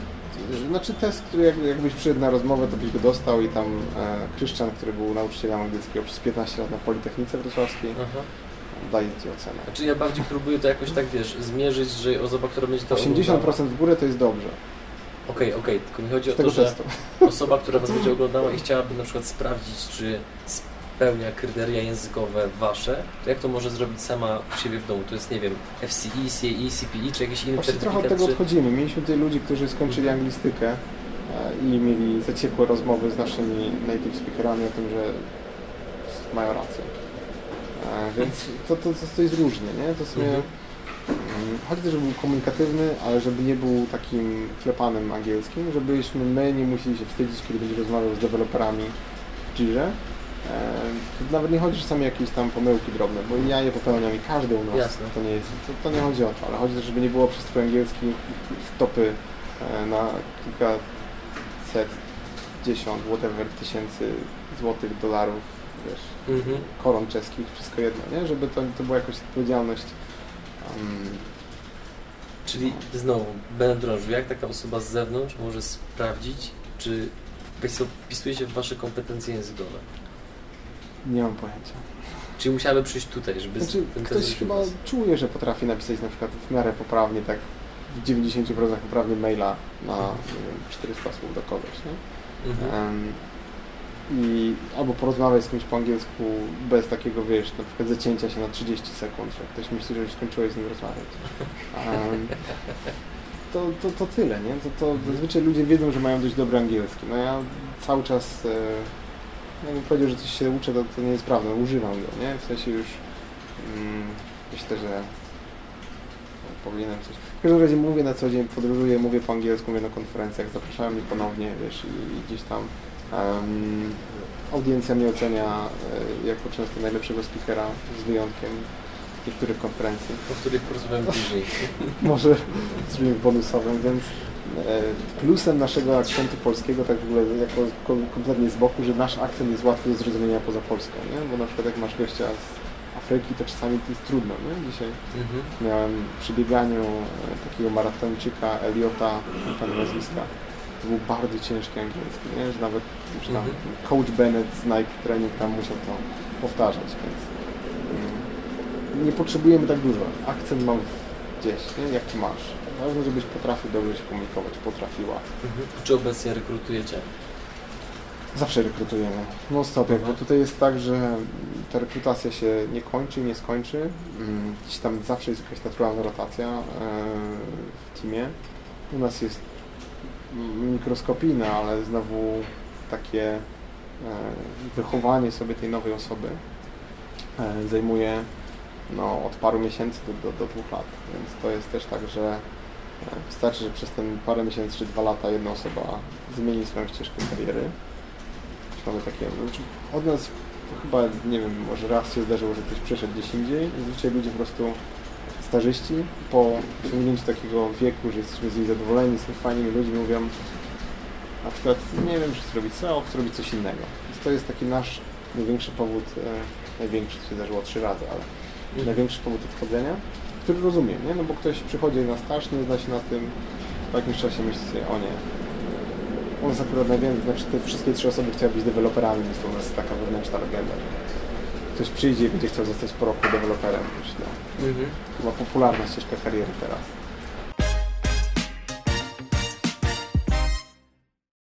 Co według Ciebie jest najważniejsze w rekrutacji, ale od strony przedsiębiorcy? I jakie błędy najczęściej popełniają osoby, które starają się o pracę? Z Twojego W doświadczenia. sensie od strony przedsiębiorcy, nie tak, od strony przedsiębiorcy. Już jakiś czas rzadko biorę udział w rekrutacjach, bo gdzieś tam staram się, żeby osoby u nas seniorzy się e, byli w tym samodzielni i się im w to nie, nie wtrącam, ale dla mnie, jeśli z kimś rozmawiam, to muszę widzieć, że się tym jaram. Jakby wiesz co chodzi, przychodzi ktoś do ciebie i masz, zależy też jaki biznes prowadzisz. Jakby ja chcę wiedzieć, że em, osoba, która do nas przychodzi, faktycznie doprowadzi nas do tego, żeby zdobyć świat szyb, szybciej. Mieliśmy przykład nas w agencji całkiem niedawno osoby, która um, pozostanie nie- nienazwana, e, aby nie- było to gdzieś tam niezręczne. E, miała ogromny, ogromny talent, ale może te umiejętności pozostałe były troszkę gorsze. Te umiejętności czy socjalne, czy pracy z innymi. E, ale wiesz, są ludzie, którzy widzi, że spędzili na tym, co ty robisz dużo czasu. To jest coś, czym oddychają, nie?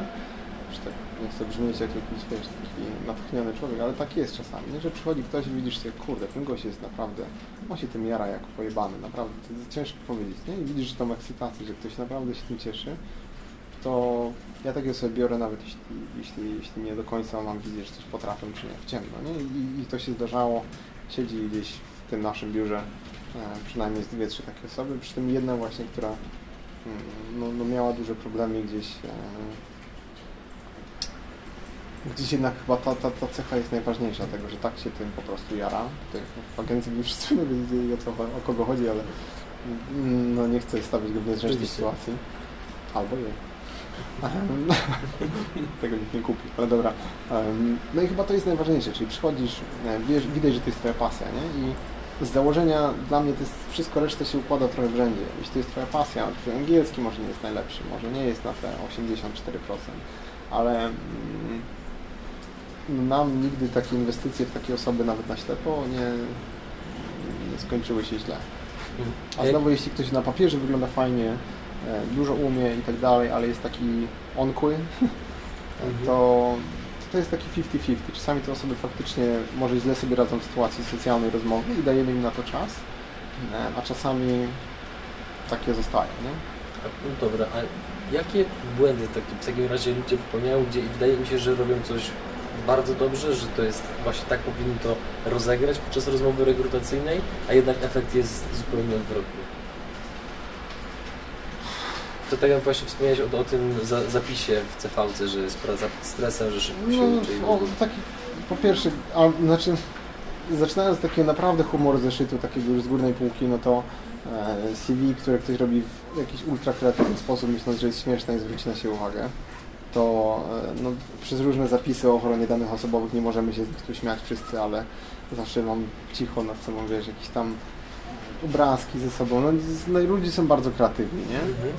Nie rób tego. W sensie napisz, to jest pierwsze. Drugie, jeśli widzę źle postawiony przecinek, w sensie spacja, przecinek, spacja, czy tam nieważne, czy to jest w idealnym miejscu, albo widzę źle sformatowany y, y, dokument, to myślę sobie, Boże Święty, będą się poprawiać jego dokumenty do końca swojego życia, wiesz, jest 2018, naucz się Excela, nie? Czy Word, Google Doca, czy Worda, czy whatever, nie? Jak widzę takiego źle sformatowego, sformatowanego, sformatowane CV, to, mm, to wiem, że mnie akurat nosi, domyślam, że nie wszyscy u nas są tak na to wrażliwi. Mm, No wszelkiego rodzaju błędy w CV, to świadczy o jakimś takim nieprzeczytaniu jego. Usiłowanie napisania CV po angielsku, jeśli, jeśli, jeśli nie znasz go, albo nie masz kogoś, kto Cię sprofuje. E, pasje, e, hobby i pasje. Ten dział myślę, że nie mam pojęcia, czy on w ogóle dla któregoś pracodawcy jest potrzebny. No, zazwyczaj te rzeczy się zaczynają powtarzać, wiesz, ta piłka nożna, biega, wiesz, to jakieś takie czytanie książek jest prawie zawsze. A później jak się pytasz na rozmowie, widzę, że masz pasję czytania książek, co czytałeś ostatnio, to to jest takie ultra niezręczne dla wszystkich. No, tak można zrobić takiego roasta na temat tego, takiego wiesz, od A do Z, ale dla mnie najważniejsze, ja nie, nie, nie, za rzadko czytam CV ogólnie, bo nauczyłem się tego, że te CV są zazwyczaj mało warte. Jeśli jestem na rozmowie, bo widzę, że ktoś ma doświadczenie, które jest sensowne, albo z jakiegoś powodu mój team mnie wysteruje w to, że ja na tę rozmowę poszedł, e, to to jest dla mnie ważne, że ktoś się tym jara, czy ktoś, wiesz, potrafi e, pokazać, że to, co ma robić, jest wow. To teraz porozmawiajmy trochę o samej branży SEO. Ona nie ma zbyt dobrej prasy, wydaje mi się przynajmniej w Polsce. I teraz jak laik, osoba, która nie ma o tym pojęcia, przedsiębiorca, jest w stanie, czy w ogóle jest w stanie zweryfikować, czy dany specjalista SEO bądź agencja rzeczywiście wykonuje swoją pracę rzetelnie? Czy są jakieś takie, wiesz, e, czy, czy będąc akurat ty po tej drugiej stronie barykady jest w stanie powiedzieć, słuchaj, zrób to, zapytaj o tamto, wymagaj tego? Co, co taki przedsiębiorca powinien zrobić? Wiesz, tutaj myślę, że okej, prasa naszej branży jest jaka jest. Myślę, że w każdej branży byś taką znalazł. Nie? Ja wracając do mojego kochanego psa, to szukając behawiorysty, to każdy behawiorysta po prostu we Wrocławiu, niezależny jak dobry jest, najczęściej mówiąc o innym, po prostu łapie za głowę, mówi, Boże, ten to nie wiem, katuje te psy, nie? Więc Czyli- to chyba każda branża ma takie swoje, mm, po pierwsze wewnętrzne animozje, Panie, kto panu to robił? Tak, dokładnie. Tak jak idziesz do mechanika czy budowlańca, to po prostu wiesz, podjeżdżasz z Tak. autem, prawie że z salonu, a facet ponosi maskę i wiesz, to z salonu wyszło takie, nie? I to chyba trochę też tak SEO, nie? Mhm. Dlatego myślę, że tu jakbyśmy w każdej branży, ja mogę się do takiej branży marketingowej, kiedyś szukałem jeszcze w starym biznesie agencji marketingowej, to przecież to, to można też książkę napisać. Więc myślę, że ta zła, zła prasa jest taka em, 50-50, ale dlatego, że ludzie nie wiedzą, co kupują.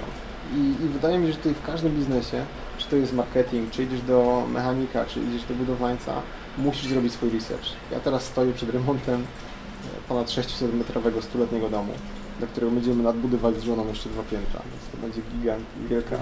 Nigdy w życiu nie położyłem cegły na cegle prosto, ale od pierwszego dnia wiedziałem, że jeśli mam iść z tym do przodu, co będzie trwało pewnie parę ładnych lat, mm, to muszę się zaprzyjaźnić z tą branżą. W sensie muszę sam zrobić to czytanie, muszę sięgnąć do tego i jako przykład, jako przykład teraz nawet w przerwie rozmawiałem z, z jednym tam ze specjalistów. To jest dom, który jest stuletni, ma schron przeciwlotniczy w piwnicy, e, 200-metrowy i ten dom, ten dom, no wiadomo, był budowany w 1917, więc ma już 101 lat. No i jest wilgoć nie? w piwnicy. Piwnica jest 2,5 metra więcej w ziemi, no to wiadomo, że tam nie jest to zamoknięty dom, ale gdzieś tam tą wodę widać, nie? Ściągnąłem melioranta z lasów państwowych. Zawód tak jak meliorant, jak zgooglujesz meliorant Wrocław, to jest zero wyników. Więc znalazłem gościa, który pracuje w lasach państwowych, odwodnieniem lasów się zajmuje i budynków, że damy opinię. Znalazłem dwóch gości, którzy zajmują się kościołami, które byłem w piwnicach i widziałem, że są suche. Przyszli. Każdy dał mi trochę inną opinię, ale zaczynasz mniej więcej rozumieć, gdzie co się dzieje. Znalazłem faceta budowlańca, który przed powiedział, panie, tego nie trzeba drenować, to wyschnie samo. Nie? No i oczywiście ktoś by zatrudnił tego gościa, nie drenuj domu, wyschnie samo, coś tam, coś tam, będzie ciepło, wiesz, wyschnie. No i później powie, o, facet mi to spieprzył, nie? I trochę jest tak też z pozycjonowaniem, czy z SEO, jak to woli zwał. Przychodzisz do agencji, płacisz 500 zł i czekasz, żebyś w top 1, ale co oni robią?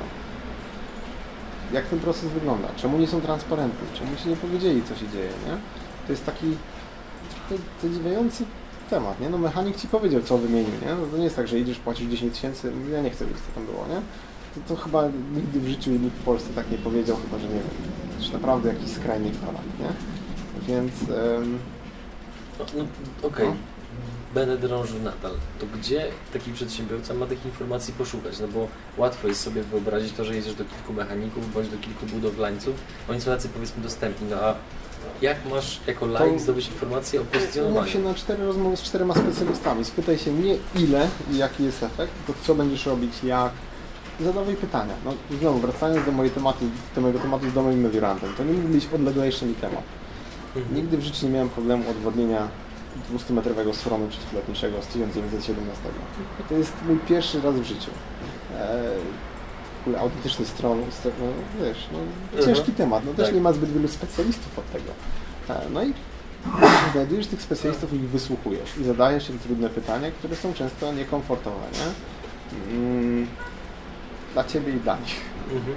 I z tych pytań masz dużo niewiadomych, przychodzi następny, wiesz, aż w momencie, w którym, nie wiem, masz tą podstawową wiedzę, wyczytałeś dużo w internecie, ale ci ludzie coś tam ci powiedzieli, bo zawsze jednak internet i realia są osobno.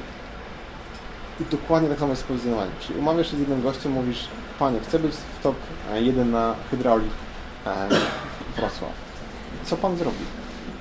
Jak A jest on odpowiada, to jest mój know-how, nie mogę panu zdradzić.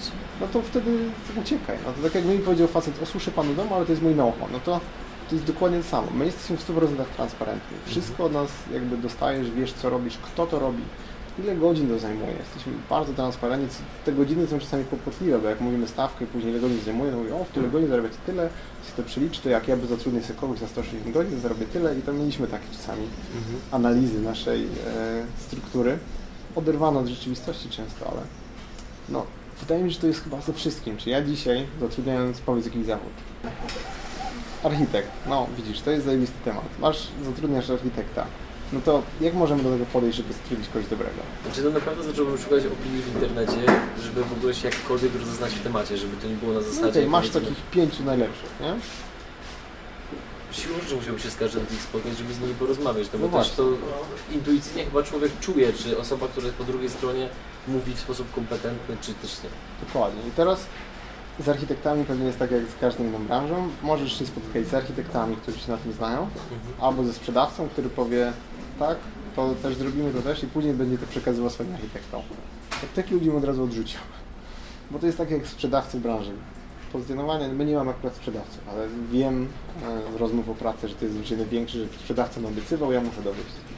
Więc spotkał się z architektem, zobaczył na jego poprzednie i zadał mu wszystkie trudne pytania. Czyli na przykład, czemu mamy dać, e, wiesz, e, to tutaj, jak, jakie są jego inne projekty. Ja na przykład też stoję przed wyszukaniem architekta, znalazłem dom, który mi się strasznie podoba, zrobiony ze starego komunistycznego takiej kostki. No i po prostu pójdę, zapukam, spytam, kto to panu zrobił. E, Możliwe, że to architekt sam tam mieszka, tak mieszka, bo już to byłby trzeci dom, do którego pukamy dwa razy na razie było tak, że to architekt sam zrobił taki ładny projekt. No, więc ty też masz takie opcje, porozmawiaj z tymi architektami, e, a branży pozycjonowania możesz zacząć z ludźmi, którzy faktycznie w twojej branży albo w innej branży wiesz, że fajnie sobie radzą. E, Co jest czasami dobre, czasami nie. Tak samo z architektami. Możliwe, że ten miał lepszy dzień. Na pewno zgłębić cały ten proces. Po pierwsze, jak to wygląda, ile to kosztuje, co się wtedy dzieje. Jeśli to się spierdzieli, to co wtedy pan, pani robi, nie? I i, i tak dalej, nie? A co jeśli na przykład mój budowlaniec powie, że to wszystko, co to pan, pani narysował jest niemożliwe? Czy te wszystkie pytania od początku do końca i zobaczysz nagle, że ktoś ten proces przeszedł i ma zajebiste odpowiedzi, nie? No, my dostajemy pytanie, ok, a co jeśli wasze zalecenia deweloperzy nie mogą ich wprowadzić? Mówię, no okej, to nie jest wtedy wasz problem, tylko my pracujemy w Jirze z deweloperami i my szukamy z nimi rozwiązań. To nie jest wtedy tak, że my wracamy do właściciela firmy, do marketingowca i wiesz, jest takie bijanie ping-ponga, bo że wysyłamy wam audyt, który później stażysta wklepuje do Jiry deweloperom, nie? E, I, I to są takie już gotowe rozwiązania, które z tego workflowu widzisz, jak, jak działają w różnych miejscach. Wtedy myślisz, ok, to rozwiązanie jest zajebiste, idę z tymi, albo biorę kogoś tam z Okej. tego rozwiązania. A czy są jakieś takie sytuacje, które pow- powinny od razu zapalić czerwoną lampkę w głowie, typu jak pozycjoner mówi, że rozjeżdżacie się od wyników? To jest często takie, przynajmniej ja się z tym spotykałem, że jak ktoś tak mówi, to jest duże ryzyko, że będzie black hat SEO stosowane. Z tak gwana- chodzi ci o gwarancję wyników, tak? Tak. No to, to wiesz, ja też rozumiem tę branżę, bo jakbym dzisiaj zaczynał w branży mm, pozycjonowania, to jest ciężko, nie? Ciężko się wybić, ludzie obiecują często wszystko, żeby coś tam zarobić. No, no bo branża SEO w Polsce niestety to nie są zbyt wielkie zarobki. W sensie nie chcę tutaj jakoś obrażać naszej konkurencji, ale wiem, że e, te, te agencje, nawet te średnie, większe, mniejsze, nie mają aż takich zwrotów, e, jak często dowolna agencja w innym kraju. Nie? Nawet nie mówię o zachodzie, tylko To wynika? z nasycenia rynku, może też trochę z takiego konkurowania naszego wewnętrznego, ciężko powiedzieć. Ja kiedyś miałem prezentację w Katowicach o tym, jak zarabiać więcej w branży SEO i jak my nawzajem się trochę kaleczymy, to e, zdobyłem dużo odsetek hejterów wtedy, więc e, może nie będę tego rozwijał, ale zarabiamy my często za godzinę u nas w Polsce e, mniej niż pracownicy w Indiach. Nie? I to jest takie, to jest statement, który oburza często ludzi w branży, ale no jeśli zaczniesz się wyżej cenić, no to odpadnie Ci 70% pracow- klientów, ale w końcu ktoś do Ciebie przyjdzie, nie? Mhm. I Ty będziesz mógł wtedy trochę wyższą jakość tego, e, tej usługi świadczyć. No to jest tak, jak idziesz do e, komisu i masz pana Mietka, który Ci mówi, wiesz, kupujesz, że chcesz auto za 3000, daje Ci sklejone z czterech i mówi, no ale Pan miał tylko 3000, nie? I te dwie strony trochę stawiają taką trudną sytuację do rozwiązania jakościowo. To, to trzeba to trochę zmienić, nie? SEO czy AdWords? E, Pytanie stare jak świat, nie? Co chwilę widzę, gdzie ktoś na jakichś różnych grupach na Facebooku e, zadaje to pytanie i ja tak patrzę, mówię naprawdę znowu, wystarczy to w Google wpisać, bo to jest no, no troszeczkę głupie pytanie, ale chciałbym mimo wszystko poznać odpowiedź, jaki Ty byś udzielił. Nie mam pojęcia, wiesz, to są... E... Dobra, mamy... Jakby nie jestem w stanie na pewno wyczerpać tego pytania, bo, bo musiałem zrobić jakiś research pewnie, żeby różne opcje, które się pojawiają w życiu firm e, uwzględnić. No, ale jeśli masz, e, nie wiem, dewelopera, któremu inwestycje, która zaczyna się za miesiąc i trwa, nie wiem, sprzedaż mieszkań 3 tygodnie, e, to AdWords. Nie ma sensu jakby się, się bawić tutaj w jakieś większe kampanie dookoła tego najczęściej. No, SEO to jest taki maraton trochę, też to jest dobra podstawa, czyli nieważne czy Ty będziesz miał, miał stronę pod AdWords czy pod cokolwiek, jeśli Twoją stronę, jeśli wypuszczasz tą stronę i wydajesz na nią, nie wiem, 20 tysięcy, jeśli wydajesz na nią 3 tysiące, no to, to, nie wiem gdzie Ty znalazłeś wykonawców, ale powiedzmy, że, że sensownie zrobić stronę z 20-30 tysięcy, taką Porządną. porządną, no. E, No to jeśli już wydałeś tyle, no to wydaj piątkę następną na optymalizację. No to nie jest tak dużo, ale po co robić stronę z 20-30 tysięcy, na którą nikt nie wejdzie? I to jest optymalizacja, która potrwa Ci long term, niezależnie co tam dalej się pojawi.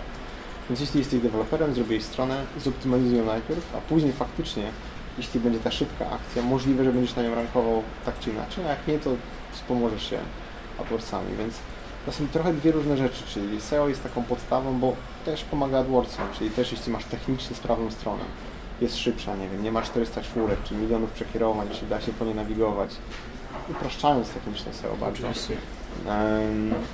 To ten ruch z AdWordsów też będzie lepszy, nie? W sensie będzie miał lepszy UX, czy Mhm. jestem specjalistą od UX, ale będzie miał lepszy, lepszy odbiór tej strony. Em, ale AdWords jest jednym kanałem, SEO jest drugim. No. SEO jest na pewno bardziej długofalowe. E, AdWords jest czymś takim, że jak zakręcasz kurek, to znika wszystko, ale znowu można go szybko odkręcić. Nie? Mhm. Ile kosztuje pozycjonowanie? To znowu jest pytanie bardzo ogólne i bardzo szerokie, natomiast no, znowu składa się z różnych elementów. Czy mógłbyś powiedzieć o najważniejszych? Myślę, że w Polsce za mało. I nie mówię tu o nas, e, bo pewnie kiedyś tak próbowaliśmy porównać, że chyba jesteśmy, e, że za bardzo nie mamy kogoś, kto jest w podobnej cenie do nas. e, Niestety, niestety. Więc nie, że nasza oferta jest nie, nie tam 30%, a czasami kilkakrotnie droższa niż inny. To po pierwsze, więc myślę, że ludzie trochę się mało cenią, bo jak teraz sobie myślę, że ktoś, nie wiem, skasuje Cię, powiedzmy, że masz tego architekta strony, nie? Czy dowolnie jaką. Jesteś architektem e, i, i wynajmujesz kogoś za, nie wiem, 500 zł miesięcznie. No teraz przelicz na godzinówkę cokolwiek. No to jeśli ktoś zarobi nawet 100 zł za godzinę, powiedzmy, e, no to do tego jakieś materiały, sprzęt, narzędzia i tak to się robi z tego bardzo mała kwota. Czy ktoś w miesiącu może posiedzieć na Twoją stronę 3 godziny.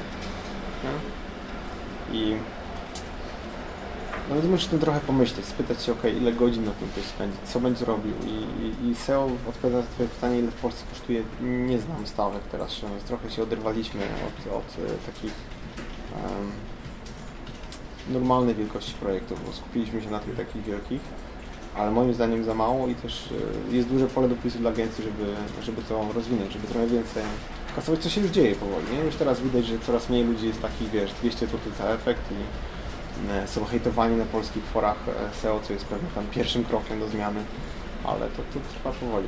Więc SEO nie wiem ile kosztuje tak. Czy Wasze usługi są drogie? To znowu Tak. jest pytanie, w zależności jak się patrzy.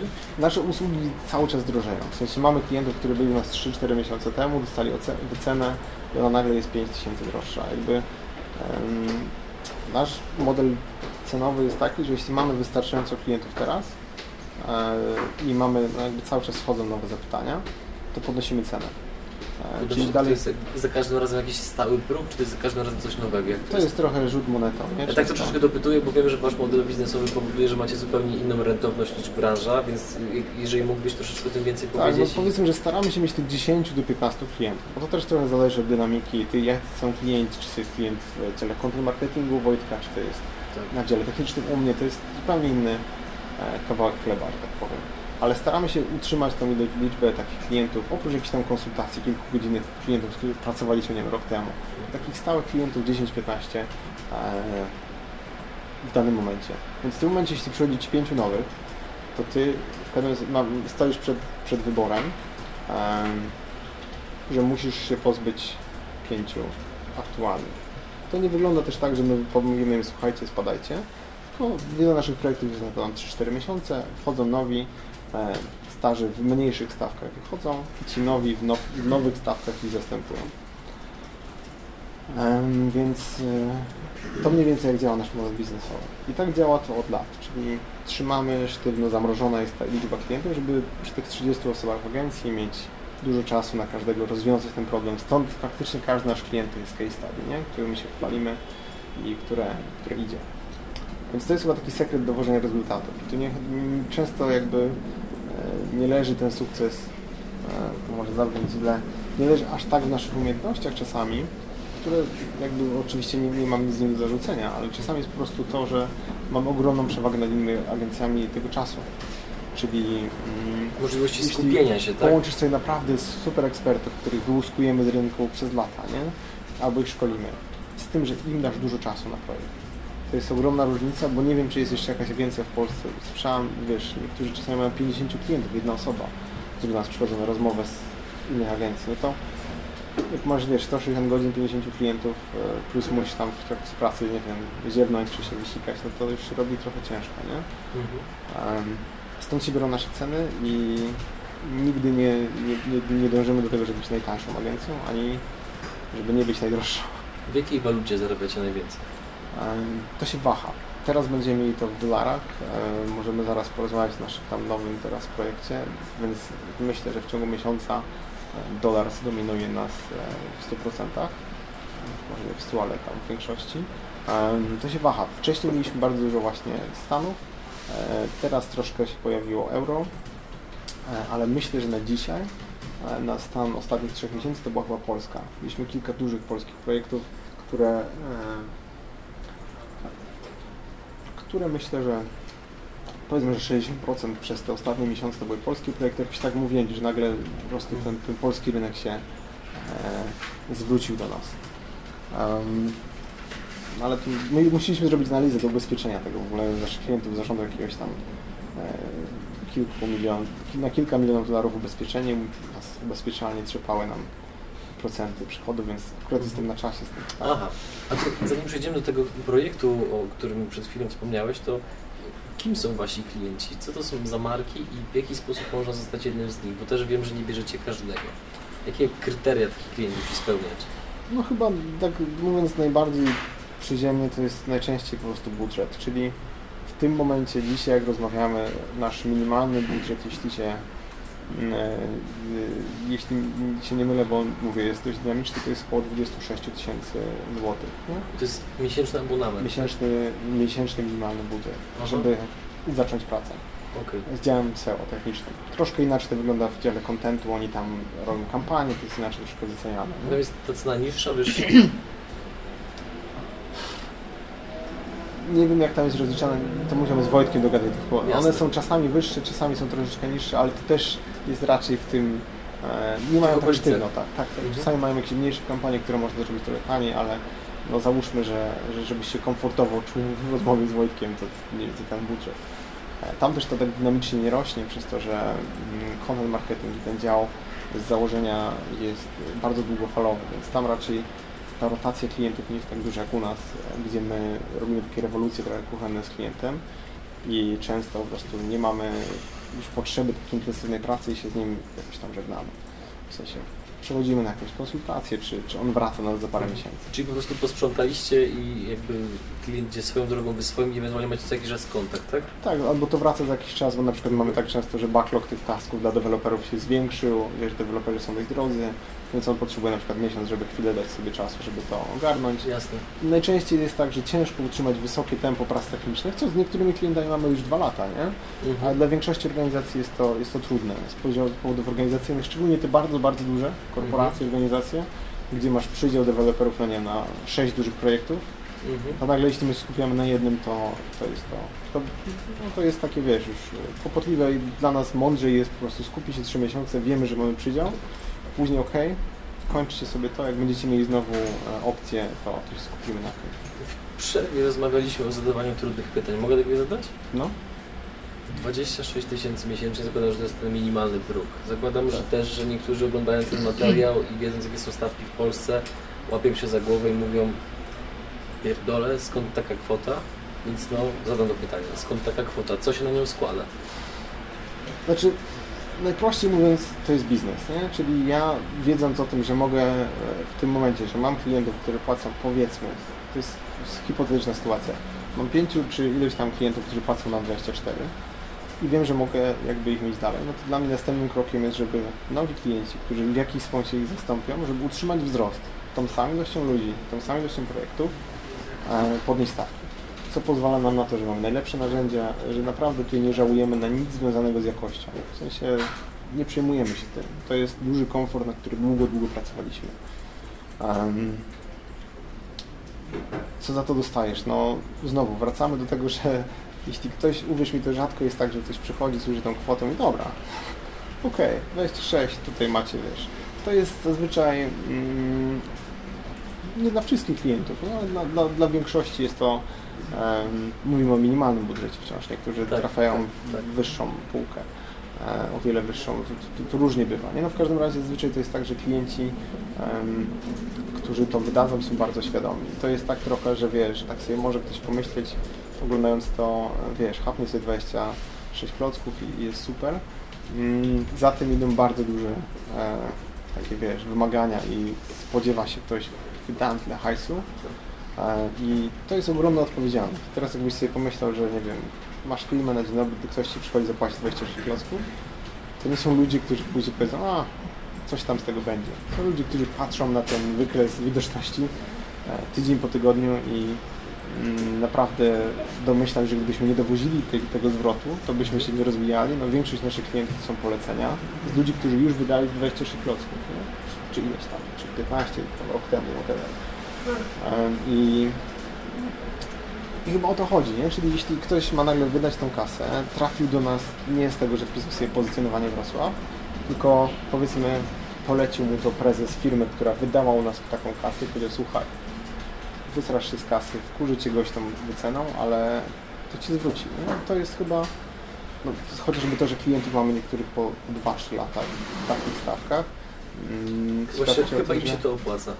Zakładam, że tak. To nie jest polski, polski rynek nie jest rynkiem, gdzie możesz tak sobie cokolwiek wycenić, chyba że jesteś wiem, spółką rządową i robisz stronę internetową za 3 miliony, e, która nie działa, to, to, to ja chciałbym tam trafić. Wciąż nam się tacy nie trafili. E, Te negocjacje są trudne, e, jakby obronienie tej ceny nie jest łatwe i, e, i musi za tym dużo stać. Musi stać za tym bardzo dużo case studies, bardzo dużo referencji, ludzie dzwonią po naszych klientach 5 lat wstecz, wiesz, prawie, że i, i, dopytują się, czy warto, czy ten gość nie jest jakimś lunatykiem. Zawsze dowozicie wyniki? Znowu biorąc pod uwagę kwotę? Um, Czy na przykład jest jakieś, nie wiem, 90% skuteczności, 80, 95? To jest trudne pytanie, wiesz, jeśli, jeśli wszystko idzie po naszej myśli, zawsze je dowozimy. Czasami na nie trzeba poczekać. Mieliśmy, ostatnio liczyłem, e, z naszych klientów e, 80, chyba 7% e, z klientów z ostatniego pół roku wzrosło jakoś tak w miarę spektakularnie. E, Co znaczy spektakularnie, byśmy to mieli W sensie, że jak patrzysz sobie na wykres, który sobie idzie, no masz takie, nie? w Okej. sensie, że widzisz, że to okej, coś się tu stało, nie? Tak nie musisz patrzeć lubką, czy tam Mhm. się coś zwiększyło, to nie jest 10%, nie? Em, Klienci, którzy nam w jakiś sposób nie idą, to nie są klienci niezadowoleni. To jest chyba nasz największy plus. Jak, jakby każdy ma na pewno jakiś procent klientów, którzy nie są case studies, czy nie są jeszcze wow. Z tymi klientami jest tak, że albo te wdrożenia się ciągną z jakiegoś powodu. Mamy klientów, którzy po miesiącu robią sobie tak zwaną pauzę, bo nagle się okazuje, że ten namiar, jakby natłok tasków, które im daliśmy, czy na, ta przebudowa jest dla nich e, za dużym wyzwaniem na dzisiaj, nie? z punktu widzenia deweloperskiego i tak dalej. Więc to są takie przypadki. Mieliśmy dwa przypadki e, w naszej historii, których nie mogliśmy rozwiązać z punktu widzenia SEO. Jeden był, e, ostatnio pisał o tym, Maria o tym mówiła na konferencji. Przypadek takiego kółeczka kręcącego się, jak się strona ładowała. Mieliśmy klienta, z którym pracowaliśmy przez 3 miesiące nad technicznym SEO. Później przez chyba 6 miesięcy nic się nie stało. Strona nie drgnęła do góry. Miałam prawie zero wejść, była nową stroną. I do dzisiaj jesteśmy z nimi w super, super stosunkach i to jest właśnie taki właśnie przypadek, że my wzięliśmy go na klatę, w sensie takim, że mówimy, słuchaj, po 6 miesiącach, e, to był jeszcze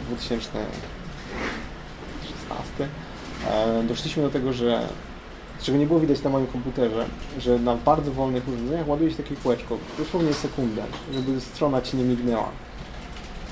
I to kółeczko zablokowało całe, całą... Kontent był zaindeksowany, wszystko działało, ale w pewnym sensie z jakiegoś powodu to kółeczko zablokowało. My je usunęliśmy w ciągu jednego dnia, strona wystrzeliła, a do dzisiaj idzie do góry. Już jakby Ola, która tam pracuje w tej stronie, będę jej teraz tam mm, podawał podobanie, było do tablicy, Mhm. która jest właścicielką tej strony, po prostu jest y, naszą bardzo dobrą, już prawie że znajomą, bo, bo po prostu dramat, który ona przeżyła, bo, bo to był startup, który zaczynał, to były jakieś tam pieniądze, miał z tym kłopot.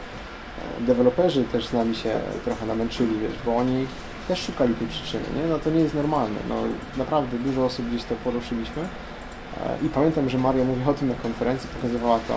My, my jesteśmy jednymi z pionierami, jeśli chodzi o JavaScript w ogóle w SEO na świecie.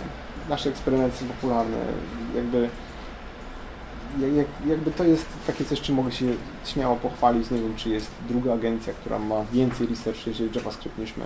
Czy to jest znowu to twoje podejście, gdzie lubisz być pierwszy w Tak, i tu, my, tu byliśmy pierwsi, głównie też przez tego klienta. I to Mhm. był taki, ja naprawdę nie mogłem przez to spać, nie? To było coś, czego nie rozumiałem kompletnie i tak jak często czegoś w SEO nie jesteś w stanie w 100% ogarnąć, to to było już takie, no, dramatyczne, nie? E, I Magna o tym mówiła na konferencji ostatniej tam pamiętam, że widziałem pytania po, nie, nie byłem tam w Krakowie, ale pytania po tym, czemu zajęło Wam to tak długo? I to wiesz, to tak, e, myślę sobie, wiesz, na, na 2016 temat JavaScript SEO w ogóle nie istniał praktycznie, jak to zgooglowałeś. E, My zrobiliśmy pierwszy eksperyment, gdzie pokazaliśmy, które frameworki, jak to się dzieje, jak to się dzieje, że to może być zablokowane. E, I ten artykuł był przeczytany 45 tysięcy razy na moim blogu. 45 tysięcy osób go przeczytało. Zdobył chyba 220 referujących domen, czyli cała branża do niego podlinkowała. I tak dalej, i tak dalej. Ale wciąż może być zdarzyć tak, że wracasz do jakby swojego domu, do Polski i słyszysz, no, 6 miesięcy tak długo, nie? W sensie, to jest, wiesz, w ogóle po tym eksperymencie Googlersi, czyli e, w tym momencie John stworzył grupę w ogóle, która pomaga z takimi problemami javascriptowymi, czyli jeśli ktoś ma, znaczy my nie wiedzieliśmy, że to jest problem javascriptowy, bo strona się nie waży. E, Więc to, to był naprawdę spektakularny przełom, Mhm. mówię tu o eksperymencie i, i, i do dzisiaj gdzieś jest cytowany chyba naprawdę, jeśli JavaScript, naj, najczęściej eksperyment na świecie, bez żadnego grama przesady. No i mówię Ci, wciąż są, no, odpowiadając na Twoje pytanie, są tacy klienci, którzy z jakiegoś powodu nie idą, no wtedy naprawdę często bierzemy to na klatę. Jeśli widzimy, że to nie jest e, ich wina pod tytułem, że nie wiem, mają w dupie wdrożenia, e, a zazwyczaj nie mają, jak ktoś płaci taką kasę, to się stara o wdrożenie. I to też jest taki, my nie mamy problemu, problemu z tym, że klienci nie wdrażają zmian. No bo traktują was poważnie, płacąc taką cenę. tak, trochę jest Mhm. taki e, no, no miecz obusieczny, nie? Ktoś Tak. płaci, ale też jakby na początku uświadamiamy go, że słuchaj, nie jest tak, że my zrobimy jakieś czary-mary, tylko że będziecie też zapierdzielać, czyli to jest z dwóch stron, musimy się, to jest taka sztafeta bardziej niż maraton, nie? Mhm. Powiedziałeś, że wasi klienci są e, klientami świadomymi i teraz chciałbym zadać pytanie troszeczkę dotyczące klienta takiego, który nie jest do końca rozeznany w tematyce internetowej, a mianowicie w porządku. Hipotetycznie załóżmy, że klient jest gotowy płacić 30 tysięcy złotych miesięcznie. E, Czy jesteśmy w stanie jakoś w liczby ubrać, jakie to da mu ROI, jaki da mu to zwrot z inwestycji? Czy macie jakieś widełki pokazujące, No, że... przynajmniej, znaczy, żeby ktokolwiek do nas wrócił, no to musi zrobić przynajmniej 30 tysięcy plus jeden, Mhm, co jest e, no, ekstremalnie hipotetyczną sytuacją, ale tak. zakładając, że pracujemy ze średnimi i dużymi portalami, nie? czyli Mhm. zakładając, że masz powiedzmy 10 milionów wejść miesięcznie, my Ci to, nasza praca e, zwiększy to o 30%, czyli licząc szybko, 13. 600, Masz 10 milionów, tak? a sorry, ja liczyłem, że 2 miliony, widzisz, 20 milionów, widzisz, tak, e, masz nagle 3 miliony więcej, nie? Mhm. E, No to te 3 miliony więcej, w jakim czasie zarobisz 30 tysięcy? E, No i, i to jest ta odpowiedź, nie? Czyli jeśli ktoś zapłacił powiedzmy 30 tysięcy przez 3 miesiące, tak najczęściej to wygląda, e, no to zapłacił 90. No to pytanie, w ile miesięcy musi to, to zwrócić? W przypadku takich portali nie jest to zazwyczaj duży kłopot. A, My, Czy klienci dzielą się z Wami informacjami, jak to miało wpływ na ich przychody? Są jakieś widełki? To jest kłopotliwy temat. W sensie yy, mamy wielu klientów, którzy przychodzą, negocjują, jeszcze teraz już trochę się na to nie zgadzamy, ale mieliśmy takich klientów, którzy negocjują jakieś mniejsze stawki jak dowozimy, i jakby tak trochę obiecują, szczególnie ze Stanów, to jest taki popularny temat, mówią, słuchaj, zróbcie mi na to, nie wiem, za 2000 dolarów, ale jak tylko to się zwiększy 30-40%, to ja wam zapłacę 20 tysięcy dolarów miesięcznie. E, Wyolbrzymiam, nie? Ale Jasne. to, to, to jest taki mechanizm. popularny mechanizm. No Tak.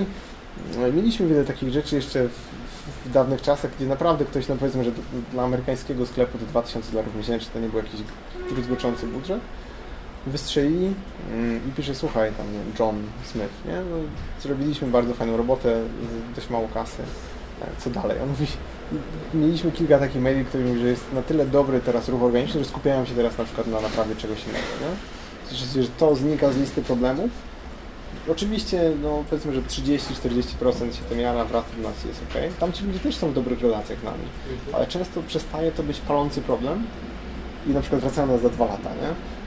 I to jest dla mnie zawsze frustrujące, że e, często masz klientów naprawdę, którym wiesz, że zarobiłeś nie te 2000, że zarobiłeś, nie wiem, te 10 czy 20 tysięcy dolców, nawet miesięcznie, nie? Bo mamy dużo takich, mamy tam branżę e, finansową w Stanach, no, no, gdzie naprawdę te, te nawet 10% wzro- wzrostu to jest to jest już dużo kasy, nie? Tam też trochę inne ilości wejść, mówimy, tam nie ma już 20 milionów, tam są trochę mniejsze, ale są drogie wejścia, wiesz to. No, więc to jest taki kłopot, nie? Czy można powiedzieć, że zaaplikowanie Waszych umiejętności, Waszej wiedzy do widoczności w internecie danej firmy to jest jak podanie sterydów? No bo jak czytałem Wasze case studies, no to te wzrosty, które Wy osiągacie, to jest w ogóle jakiś kosmos. I teraz pytanie, czy te wzrosty nawet o kilkaset procent przekładają się na wzrost przychodów również powiedzmy o kilkaset procent, czy o kilkadziesiąt, czy o kilka procent?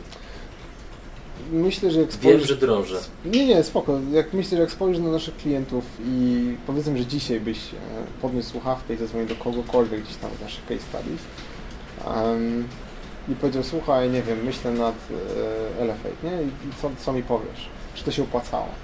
To myślę, że każdy z, nim, z nich by Ci powiedział, że tak. I teraz to jest taki kłopot trochę, mm, my nie do końca mamy wgląd w to, ile kasy im zarobiliśmy. Praktycznie no, z niektórymi klientami przy konwersjach w analityce jestem w stanie mniej więcej to zobaczyć. Często te kwoty są dla nas w ogóle kwotami Astronomicznymi. astronomicznymi. No tak, no to, to, są duże portale, to, to, wiesz, ale teraz mm, ja nie jestem fanem jakichś takich haków, sterydów, growth hackerów i wszystkich takich ludzi, którzy wiesz, są jest growth hackerem, a, a jeździ używanym Skodą, nie? I to trochę jest takie e, ironiczne, nie? Czy jest to na, na sterydach? To jest taki i tak i nie, no bo z jednej strony mm, my jesteśmy tylko w połowie tatusiami tego, czy mamusiami tego sukcesu, zależy kto na tym pracował, bo jeśli mamy na przykład e, wizerz, który eksplodował, nie? to on eksplodował przez pewne problemy, które go trzymały na dole. Czyli jak oni przyjdą, znaczy dalej z nimi gdzieś tam pracujemy, ale mm, nie jesteśmy w stanie zrobić takiej eksplozji drugi, trzeci, czwarty, piąty raz. Jasne. Teraz jesteśmy w stanie utrzymać ten trend wzrostowy, Mhm. ale często to takie boom jesteś w stanie zrobić raz. Albo wiem, dwa razy jak się uda. Nie tak jak z Roponeo mieliśmy chyba kilka razy taki wzrost. Czy z, czy z Morizonem. No, Poneo jest świetnym case'em tam w ogóle, wiesz, z bardzo małej strony w, w Wielkiej Brytanii. Teraz naprawdę są liczącym się graczem. Tam wzrost był, już nie wiem, ale też wygrali przecież Search Awards, najlepsza kampania SEO w, w Europie, czy UK. Chyba nawet postowałeś tym na Facebooku, pamiętam. Na pewno, Tak. wielokrotnie. Wojtek niestety był na rozdaniu, więc wszystkie fotki są jego, ale um, znaczy niestety, nie. W sensie żałuję, że nie, nie byłem tam. Em, więc są to takie sterydy, ale to jest, to trzeba mieć taką pełną świadomość, że jeśli Twoja strona jest w złym stanie, to dobrze. W sensie to dobrze, bo ten potencjał jest duży, ale jeśli Twoja strona już jest, tak, tak można porównać do auta, nie? Mhm. Nie będziemy y, tutaj mogli zbyt wiele wyciągnąć z jakiegoś tam już, y, nie wiem, powiedzmy Audi S6, którego tam Wiesiek z kolegą w stodole wyciągnął z niego 600 koni, no to my nie wyciągniemy z niego drugich 600, nie? Mhm. A jeśli masz dobrze zachowany samochód, który prostu dawno nie widział e, jakiegoś, jakichś poprawek, to możemy z niego wyciągnąć dużo w bezpieczny sposób, nie? W taki, że nic się z nim nie stanie. Znaczy auto jest idealnym programem. Ale, ale wiesz, co chodzi. Obrazowo. Tak, tak, że, e, że bliskie mi porównaniu, ale no. Czyli już, już drugi raz tego nie wyciągniesz.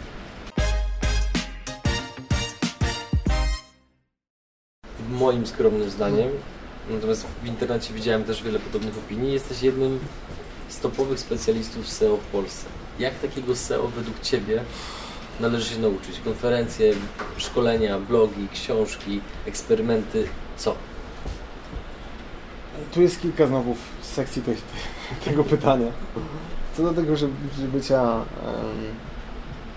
topowym specjalistą, znam wielu ludzi, którzy są naprawdę, naprawdę dobrzy, tylko może nie podchodzą do tego w dobry sposób. W sensie albo się nie dzielą tą wiedzą, co jest trochę takim często polską klątwą, że nie dzielimy się, bo inni zrobią to samo. Albo nie To mają jest, to jest zła strategia? A jeżeli tak, to dlaczego? Wiesz, nie, nie wiem, nie mi to oceniać. Ja mam inną. No, no trochę, trochę tak, że każdy ma też prawo mieć swoją, nie? Tutaj jakby ja uważam, że, że to takie trochę nie jest polskie, żeby mówić o tym co dokładnie, jak coś zrobiłeś, jak osiągnąłeś sukces. W ogóle mówić o sukcesie jest w Polsce trudno, jak, jak pewnie jak pewnie wiesz, trochę się to zmienia z czasem, ale dzisiaj jest tak, co Ci mówiłem, że najbardziej hejtowane e, e, posty to były moje o, o, o naszych jakichś tam case study klientów, gdzie naprawdę dla mnie było często ciężko znaleźć jakąś ciemną stronę, gdzie klient o tym wiedział, wiesz, nie było, wszystko jest przejrzyste, nie? To nie jest tak, że coś ukradliśmy, nie? Jeśli chodzi o bycie tym top, top speakerem, może top specjalistą, e, bo speaker jest następną częścią, e, top specjalistą, no to tak jak mówiłem, no tutaj myślę, że, e, że ciężko powiedzieć dokładnie, a nasz kubeczek, Fajny, nie? Taki- ona kakałko. Pełna kakałko. No i zdjęcie jakiejś To pani. Absolutnie nie wiem o co, To co, o jest co chodzi. nasze, jedna z naszych dziewczyn, ale to musiałaś jej świsnąć kubek przez przypadek, albo ktoś ci go dał jako żarcik. Aha. E, Okej, no to się złapałem. więc e, no w każdym razie mm, więc to jest jedno, nie? Myślę, że tutaj ja, ja sam zresztą e, z dużą skromnością stwierdzam, że na przykład nie wiem, e, Maria czy Kamila, które pracują ze mną często w wielu rzeczach wiedzą więcej niż ja, tylko e, muszę je tak trochę z kopa e, wypychać, żeby o tym mówiły i na przykład na e, SMX w Londynie e, udało mi się e, wbić, dosłownie mówiąc, Marię tam, żeby mówiła o, o, o JavaScript SEO E, i ja bardzo chętnie jakby wspieram tych moich ludzi, którzy mają ogromną wiedzę, ale no rozumiesz, nie każdy się rodzi też do tego, żeby się tym chwalić. Nie? To też jest duży stres, szczególnie w Polsce, bo, bo sam jakby po swojej historii e, wiem, że, e, że opowiadanie o swoim sukcesie, czy opowiadanie w ogóle o czymś z roli osoby, która się na tym zna, jest e, trudne, nie? W sensie nie jest dobrze odbierane u nas, jakby w Polsce. Nie zdarzyło mi się mieć, chyba z tego co kojarzę, miałem ostatnio jednego na maila, ale praktycznie nie zdarza mi się mieć hejterów e, przy, przy, przy publikacjach anglojęzycznych, czy wystąpieniach tam. Nie wiem, jakoś mi się wydaje, że czasami ten nasz rynek trochę dusi też nasz talent, nie mówię tylko o sobie, nie? ale nasz talent, e, który się łatwo zniechęca. Czyli wyobraź sobie, że ty dzisiaj jesteś, nie wiem, nauczyłeś się już na konferencję i e, spotyka cię fala jakiejś tam krytyki, bardzo często losowej.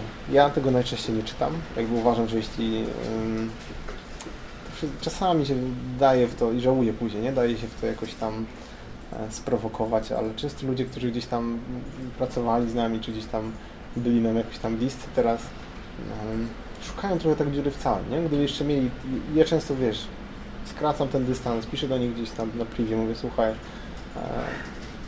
o co ci chodzi, czy coś, tak, to oni mówią, że ja nie chciałem hejtować. Nie? To jest najczęściej tak, że praktycznie każdy, kiedy go skonfrontujesz, mówi, że to nie o to chodzi, ja tylko zadałem pytanie nie? i tak dalej, że nikt nie powie, że mam z tą kłopot albo cię hejtuję i to jest niestety takie, no to po co, nie? I, I w każdym razie do tego mi się wydaje, że w Polsce jest bardzo dużo ludzi, którzy są bardzo dobrzy, ale mm, może nie są na tyle gruboskórni. Ja też nie uważam się broń Boże za gruboskórnego, po prostu jakoś em, nauczyłem się to ignorować. Nie, nie, nie jestem już tak aktywny na polskich forach, e, grupach bardziej facebookowych, SEO-owych, przez to, że, że, że uważam, że tam dużo jest takich złych emocji często między tymi ludźmi, że to są jakieś zgrzyty, których ja nie potrzebuję w swoim życiu, nie? Gdzieś tam staram się od tego, nie tylko w SEO, ale we wszystkim odcinać. Dlatego, jeśli Mhm. chodzi o eksperta, e, jak do tego dojść, to właśnie myślę, że często ludzie się nie doceniają. Wydaje mi się, że to często ludzie nie muszą dążyć do tego, żeby być ekspertem, tylko zacząć e, nawet jakąś jeszcze małą wiedzą, ale się dzielić. I zaakceptować to, że nasze państwo jest takie, jakie jest i czasami hejterzy się pojawią, albo e, to, co zrobiłem ja trochę wtedy e, nie w tym celu, ale wyszło przypadkiem, publikować po angielsku. Większość Polaków po angielsku mówi, jakby jeśli ktoś się poczuje bardzo urażony, no to już e, no wiesz, no nie jesteś w stanie wszystkich zadowolić, ale publikować po angielsku nie jest to bycie jakimś niepatriotycznym czy nic takiego. Po prostu to jest SEO. Ja domyślam, że żeby się nauczyć bardzo dobrze SEO, no niestety musisz sięgnąć do angielskiej literatury często. No to chyba się w ogóle tyczy wielu branż, że jednak ta wiedza w języku Tak. angielskim z racji tego, że to jest zupełnie innego rozmiaru rynek. Źródło powoduje- z założenia to jest Google, Tak. które jest, Tak. wiesz, organizacją, która się komunikuje w języku angielskim. I myślę, że podobnie jest z programowaniem, że większość, takie jest moje wyobrażenie, większość programistów jednak zna podstawę angielskiego, bo e, chyba, nie wiem, ciężko się nauczyć jakichś bardzo nowych frameworków nagle po polsku, bo zanim jest jakiś taki próg, zanim to będzie przetłumaczone, zanim to... Więc to jest jedno, czyli myślę, że jest wielu ekspertów, którzy może nie mają na tyle odwagi, żeby z tym wyjść, e, albo trochę się podszkolić, bo to jest trochę Mhm. tak, że jak ty wyjdziesz ze swoją wiedzą gdzieś, to automatycznie jesteś na takim reflek- pod reflektorem. Ludzie zadają ci pytania, e, to, to co się ciągnie i ty musisz nagle rozwinąć swoją wiedzę, żeby to kontynuować. Czujesz się w pewnym sensie wywołany do tablicy. I to jest taka dobra motywacja. Więc to jest, to jest pierwszy punkt. Drugi punkt, y, drugie, druga część pytania, jakbyśmy powtórzyć? E, Zapytam w inny sposób. Mam 18 lat. Zastanawiam się nad wyborem drogi zawodowej. Jedną z opcji jest SEO. Jaki według Ciebie zestaw kroków może mnie skutecznie doprowadzić do tego, że będę dobrym specjalistą w tej dziedzinie? Zacznę od książki, którą mam e, od faceta, który pamiętam, że gdzie mam nawet z autografem, nie wiem, wiem pokazać, ale jak ja zaczynałem z SEO, moim e, trochę takim e, idolem był Bruce Clay. Wtedy był takim bardzo dużym SEO-wcem. Teraz troszkę tam mniej o nim słychać, ale to chyba dlatego, że on już też ma swój, swój wiek. E, są książki takie jak ta, czyli SEO dla opornych, mówiąc po, e, po polsku. Search Engine Optimization for Dummies. E, Ona ma 700, no prawie 800 stron. Myślę, że jeśli przeczytasz tę książkę od początku do końca ze zrozumieniem, będziesz miał więcej wiedzy niż wielu naszych polskich e, SEOwców. Więc to jest taki pierwszy krok. Mi się wydaje, że ludzie go często omijają. Fora są bardzo dużym źródłem wiedzy, bo tam są często opinie czyjeś, już przerzute trochę, nie? No tutaj oczywiście też są opinie czyjeś, ale jest jakby to ustrukturyzowane, nie? więc to, to jest pierwszy krok. Przeczytaj, dużo czytaj na ten temat. Myślę, że ta książka akurat w tym wypadku jest całkowicie wystarczy na start. Druga rzecz, mm, żeby zostać trochę na czasie i teraz tak jest, że, że, że Google jest tako, trochę takim czarnym pudełkiem, nie? że coraz mniej wiadomo, bo tam wiele algorytmów już wynika z machine learningu, to już nie jest tak jak kiedyś, że ktoś nacisnął przycisk, który targetował tą jedną rzecz. I ludzie sobie dochodzili do tego, że ten update było o tym, nie? Ten czas już jest za nami, nie? I tutaj myślę, że warto jest eksperymentować z tym, co działa, tworzyć bardzo prosty, powiedzmy, że masz 18 lat, tworzysz sobie eksperyment dzisiaj pisząc w HTML prostą stronkę, czy jeśli zmienisz ten link na taki, czy coś tam się zmieni w wynikach, nie? I już masz dużą wiedzę, publikujesz to, już w pewnym sensie pokazujesz się jako, jako osoba, która jest ważna, nie? Która zadaje ważne pytania, nie? Jak ten eksperyment do dupy, e, to ludzie też Ci dadzą na ten feedback, że był do dupy dlatego, że to zrobisz następny, który będzie lepszy. I te dwa kroki tak naprawdę już sprawiają, że masz pierwsze zlecenie. Więc to wiesz, to jest Proste, ale niełatwe. proste. No, no ja wiem. Mhm. Jeśli powiesz, jesteś dowolnym innym zawodem, no to gdzie możesz zrobić coś tak prostego? Umieć podstawy HTML-a, CSS-a, czyli zbudować prostą stronkę w HTML. Jak tego nawet nie masz, to postaw gołego WordPressa i coś zmień. No to już jest wybitnie proste. Mhm. E, Albo zrób sobie stronkę, no nie wiem, jakimś webly.com i tam tutaj y, kombinuj z tym. E, To tak naprawdę stawiasz w ciągu dosłownie 4 minut. E, Przeczytaj książkę i, i zaczynaj gdzieś budować sobie, znaczy ja wierzę bardzo w budowanie jakiegoś tam nazwiska swojego i, i to jest jakaś wartość. Wtedy jak idziesz do kogoś na rozmowę o pracę, pokazujesz, słuchaj, tu są moje eksperymenty, publikacje, z innej stopy rozmawiasz z pracodawcą niż... e, A to jest jedna z wielu dróg pewnie, nie? Mhm. To też nie jest tak, że musisz iść tą stronę. A konferencje polskie, zagraniczne, brać udział, nie brać? Jeżeli tak, to w jaki sposób? To jest trudny temat, wiesz, ja dużo czasu spędzam swoich na konferencjach, jakby to jest jakby taka moja druga rodzina, e, nie wiem, e, dużo osób z, różnych zakątków świata, są moi tacy, trochę wiesz, czasami jest tak, że idziesz sobie na wesele i masz taką rodzinę, którą widzisz, nie wiem, dwa razy w roku na pogrzebie i weselu, ale czujesz się z nimi bardzo blisko, bo ich znasz i tak dalej, nie? Ja tak trochę mam z wieloma sceowców z różnych krajów świata, których spotykam często na, w różnych miejscach. Bywa tak, że widzimy się w Australii, a miesiąc później widzimy się e, nie wiem, w Dallas, nie? I dosłownie. I, i, to konferencje nie wiem, czy do końca są takim źródłem, że mówisz na konferencji i zbierasz miliony lidów.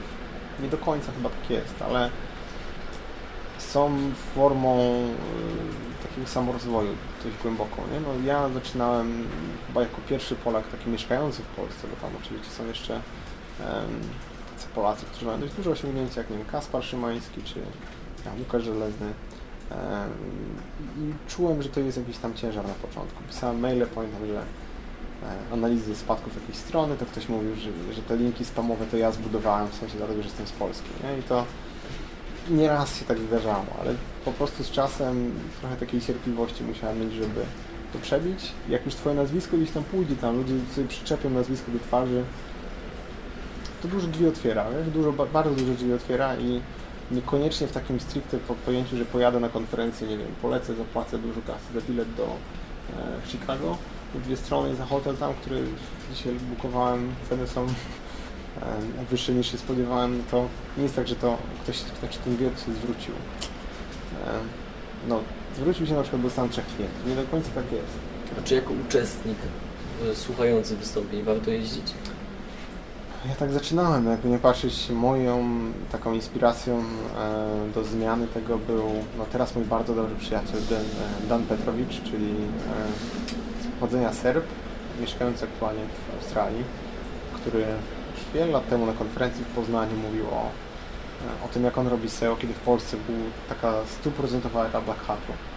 I jego techniczne podejście, takie bardzo matematyczne wręcz do tego mnie bardzo inspirowało.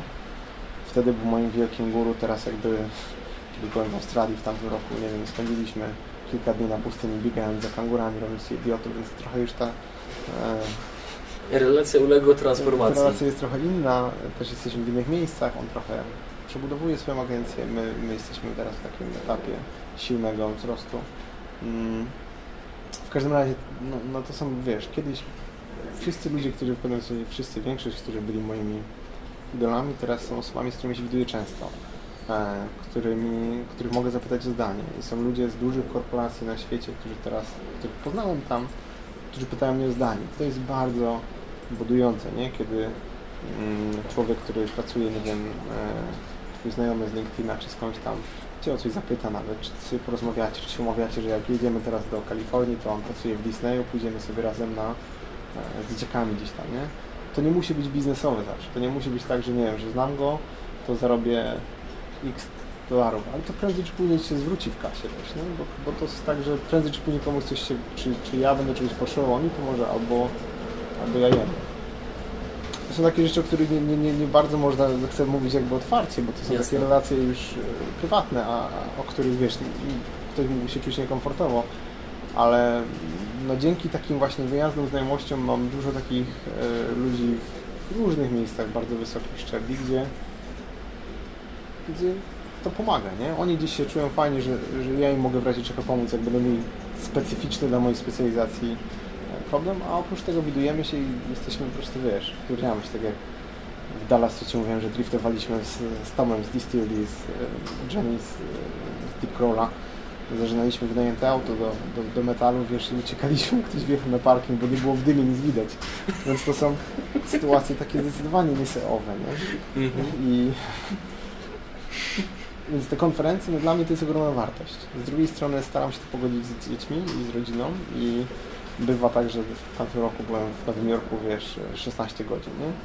E, podczas których ktoś próbował mnie w ogóle obrabować, miałem jakieś takie szarpaniny, wiesz, prawie, że e, obiło się jakiś rękoczyn porządniejszy, wołałem policję, policję, spanikowałem jak mała dziewczynka. W każdym razie były takie sytuacje, wiesz, e, że, że wyjeżdżałem żeby 16 godzin do Jorku, żeby wrócić jak najszybciej, żeby, żeby spotkać z dzieciakami.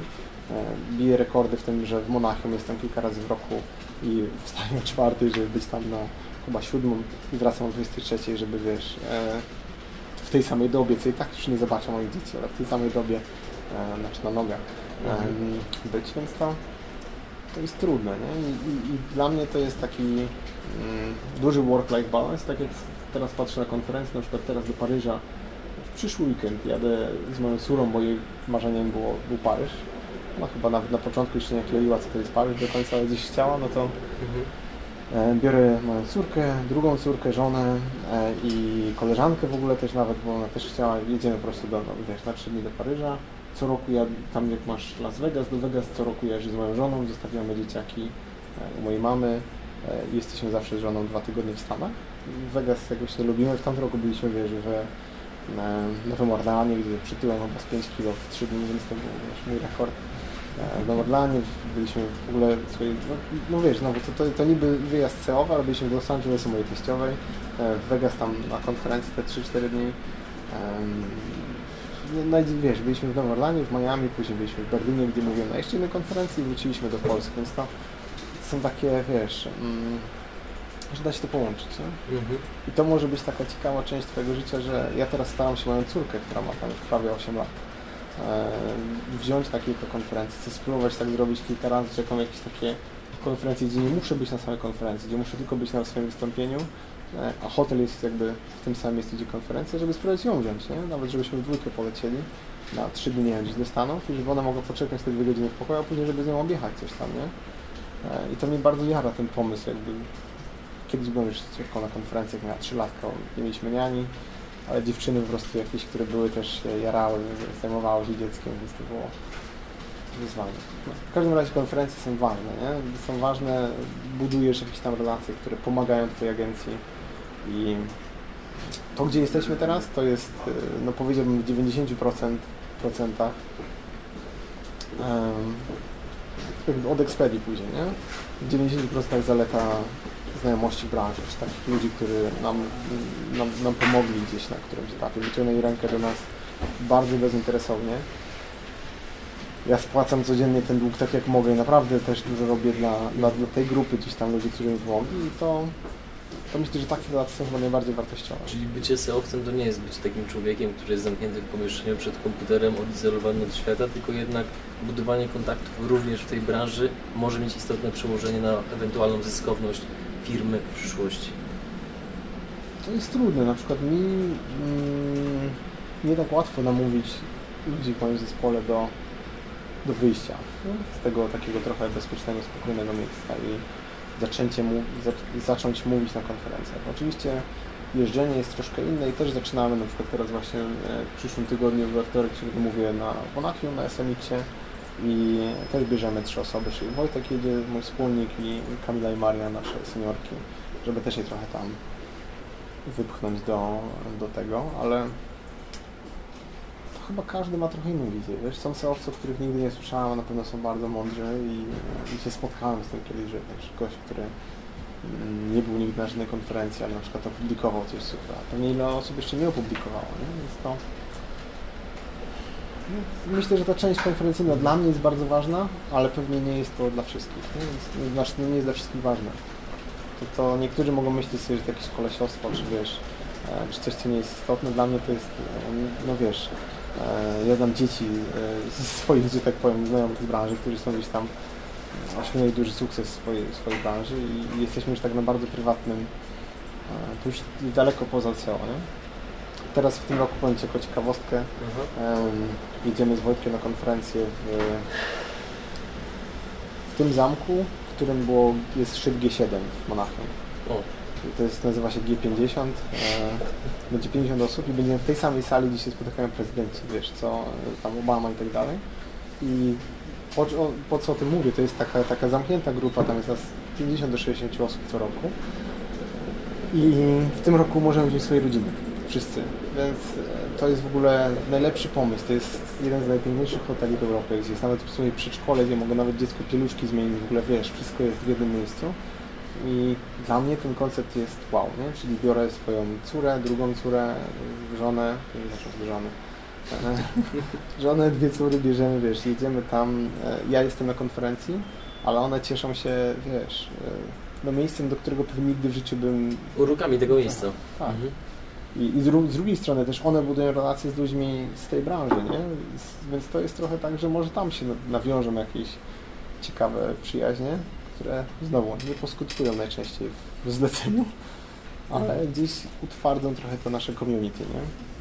Nazywam się Bartusz Góralewicz i chcę założyć bloga. Co robię? Krok po kroku.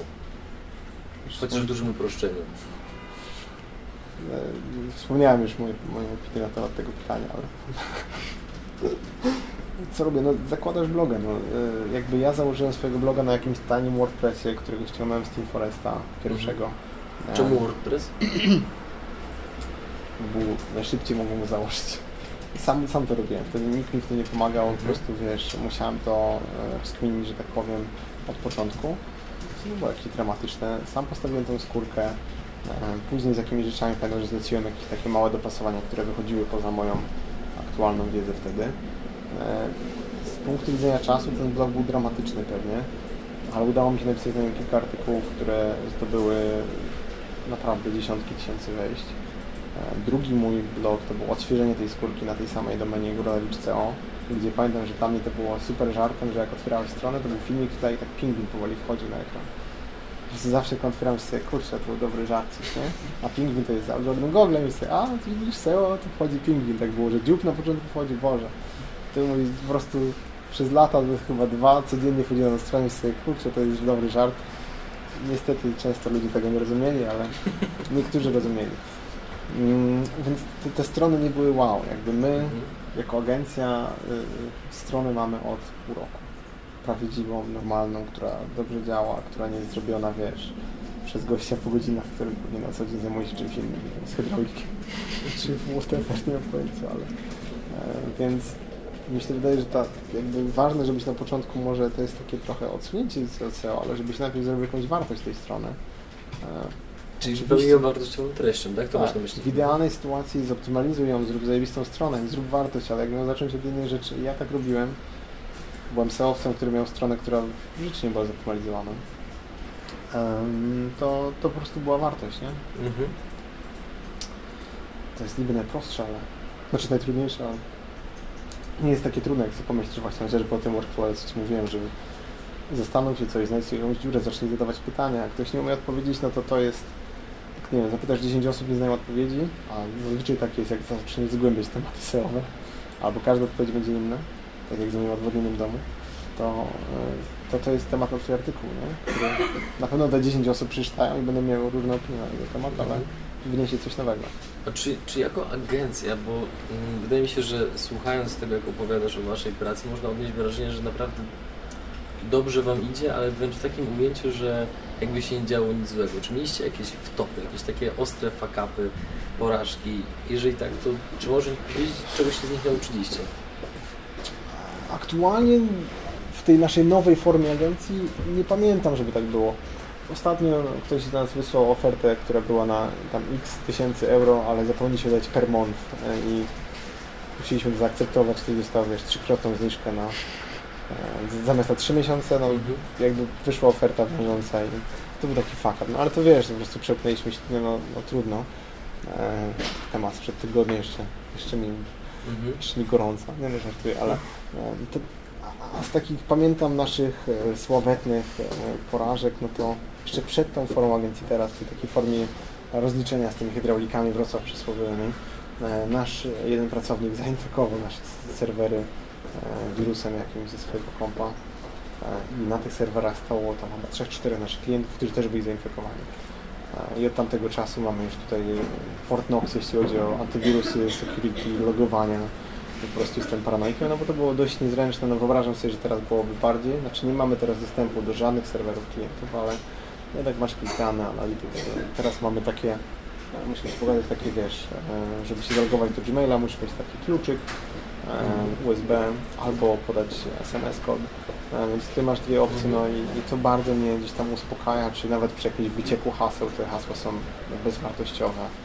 No wiadomo, nie zawsze się przed tym zabezpieczysz, nie? No właśnie, jak jesteśmy już przy tym, bo taką miałem sytuację, a raczej mój kolega, który, którego rodzice prowa- prowadzą dość dużą firmę, która e, sukcesywnie, regularnie zwiększa swoją, sprzeda- swoją sprzedaż e-commerce. Dotychczas mieli jednego gościa, który powiedzmy im tą całą taką infrastrukturę, nazwijmy to internetową, ogarniał, no ale w pewnym momencie gdzieś tam pojawił się jakiś kwas między nimi, e, on odszedł, no i okazało się, że e, p- nie mają dowodów na to takich twardych, ale przypuszczają, że no, ciężko to wykluczyć, ponieważ w momencie jak gość odszedł, to chwilę potem praktycznie wszystkie dyski zostały zaszyfrowane jakimś tam wirusem czy czymś takim.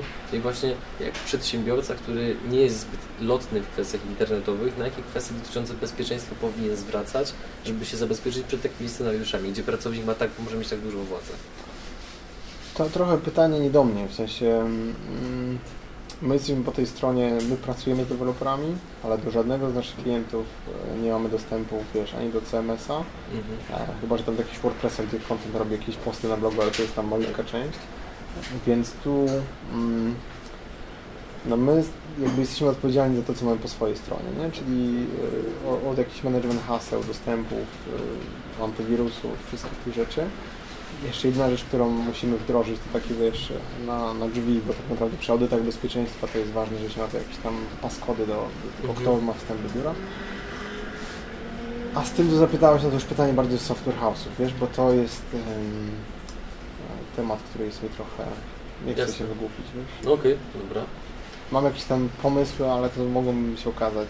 A jeżeli Laickimi. gdzieś software, software house, czy są jakieś, jakie software house'y w Polsce byś polecił?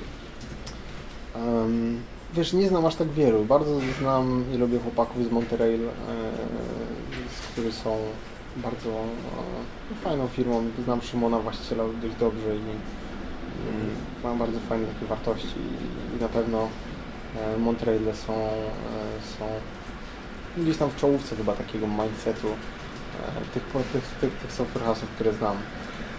Też pracowaliśmy z nimi jako, że oni byli deweloperami naszych klientów, wiem, że to też szło bardzo gładko. Z moich takich znajomych to Max Tyrek to jest taka, nie wiem czy to jest stricte software house, zajmują się web developmentem i to jest cyrek.it. Też e, znam Maxa, to jest mój dobry przyjaciel i, i, i wiem, że też robi bardzo dobrą robotę. On też zajmuje się pozycjonowaniem w ogóle całą, całą resztą. Taki 360, nie? Czyli możesz zrobić w niego sklep i całą resztę. Oprócz tego nie wiem, nie znam, w sensie nie miałem, że tak powiem, opcji tak głęboko z kimś pracować, a, a, a tak jakby ro- rotacja jest spora. Nawet pod nami są dwa software house'y, które, mm, które są dość duże i takie rozpoznawalne, tylko no nie miałem opcji z nimi wiesz, Jasne. popracować nad jakimś projektem, żeby ich polecać, a Mhm. później nie chcę zebrać jakichś cięgów za, Oczywiście. za polecanie. Jakie jedno z Twoich przekonań lub nawyków wydaje się ludziom dziwne lub szalone? O Boże, mnóstwo. Ciężko powiedzieć no jednym. Wiesz, e,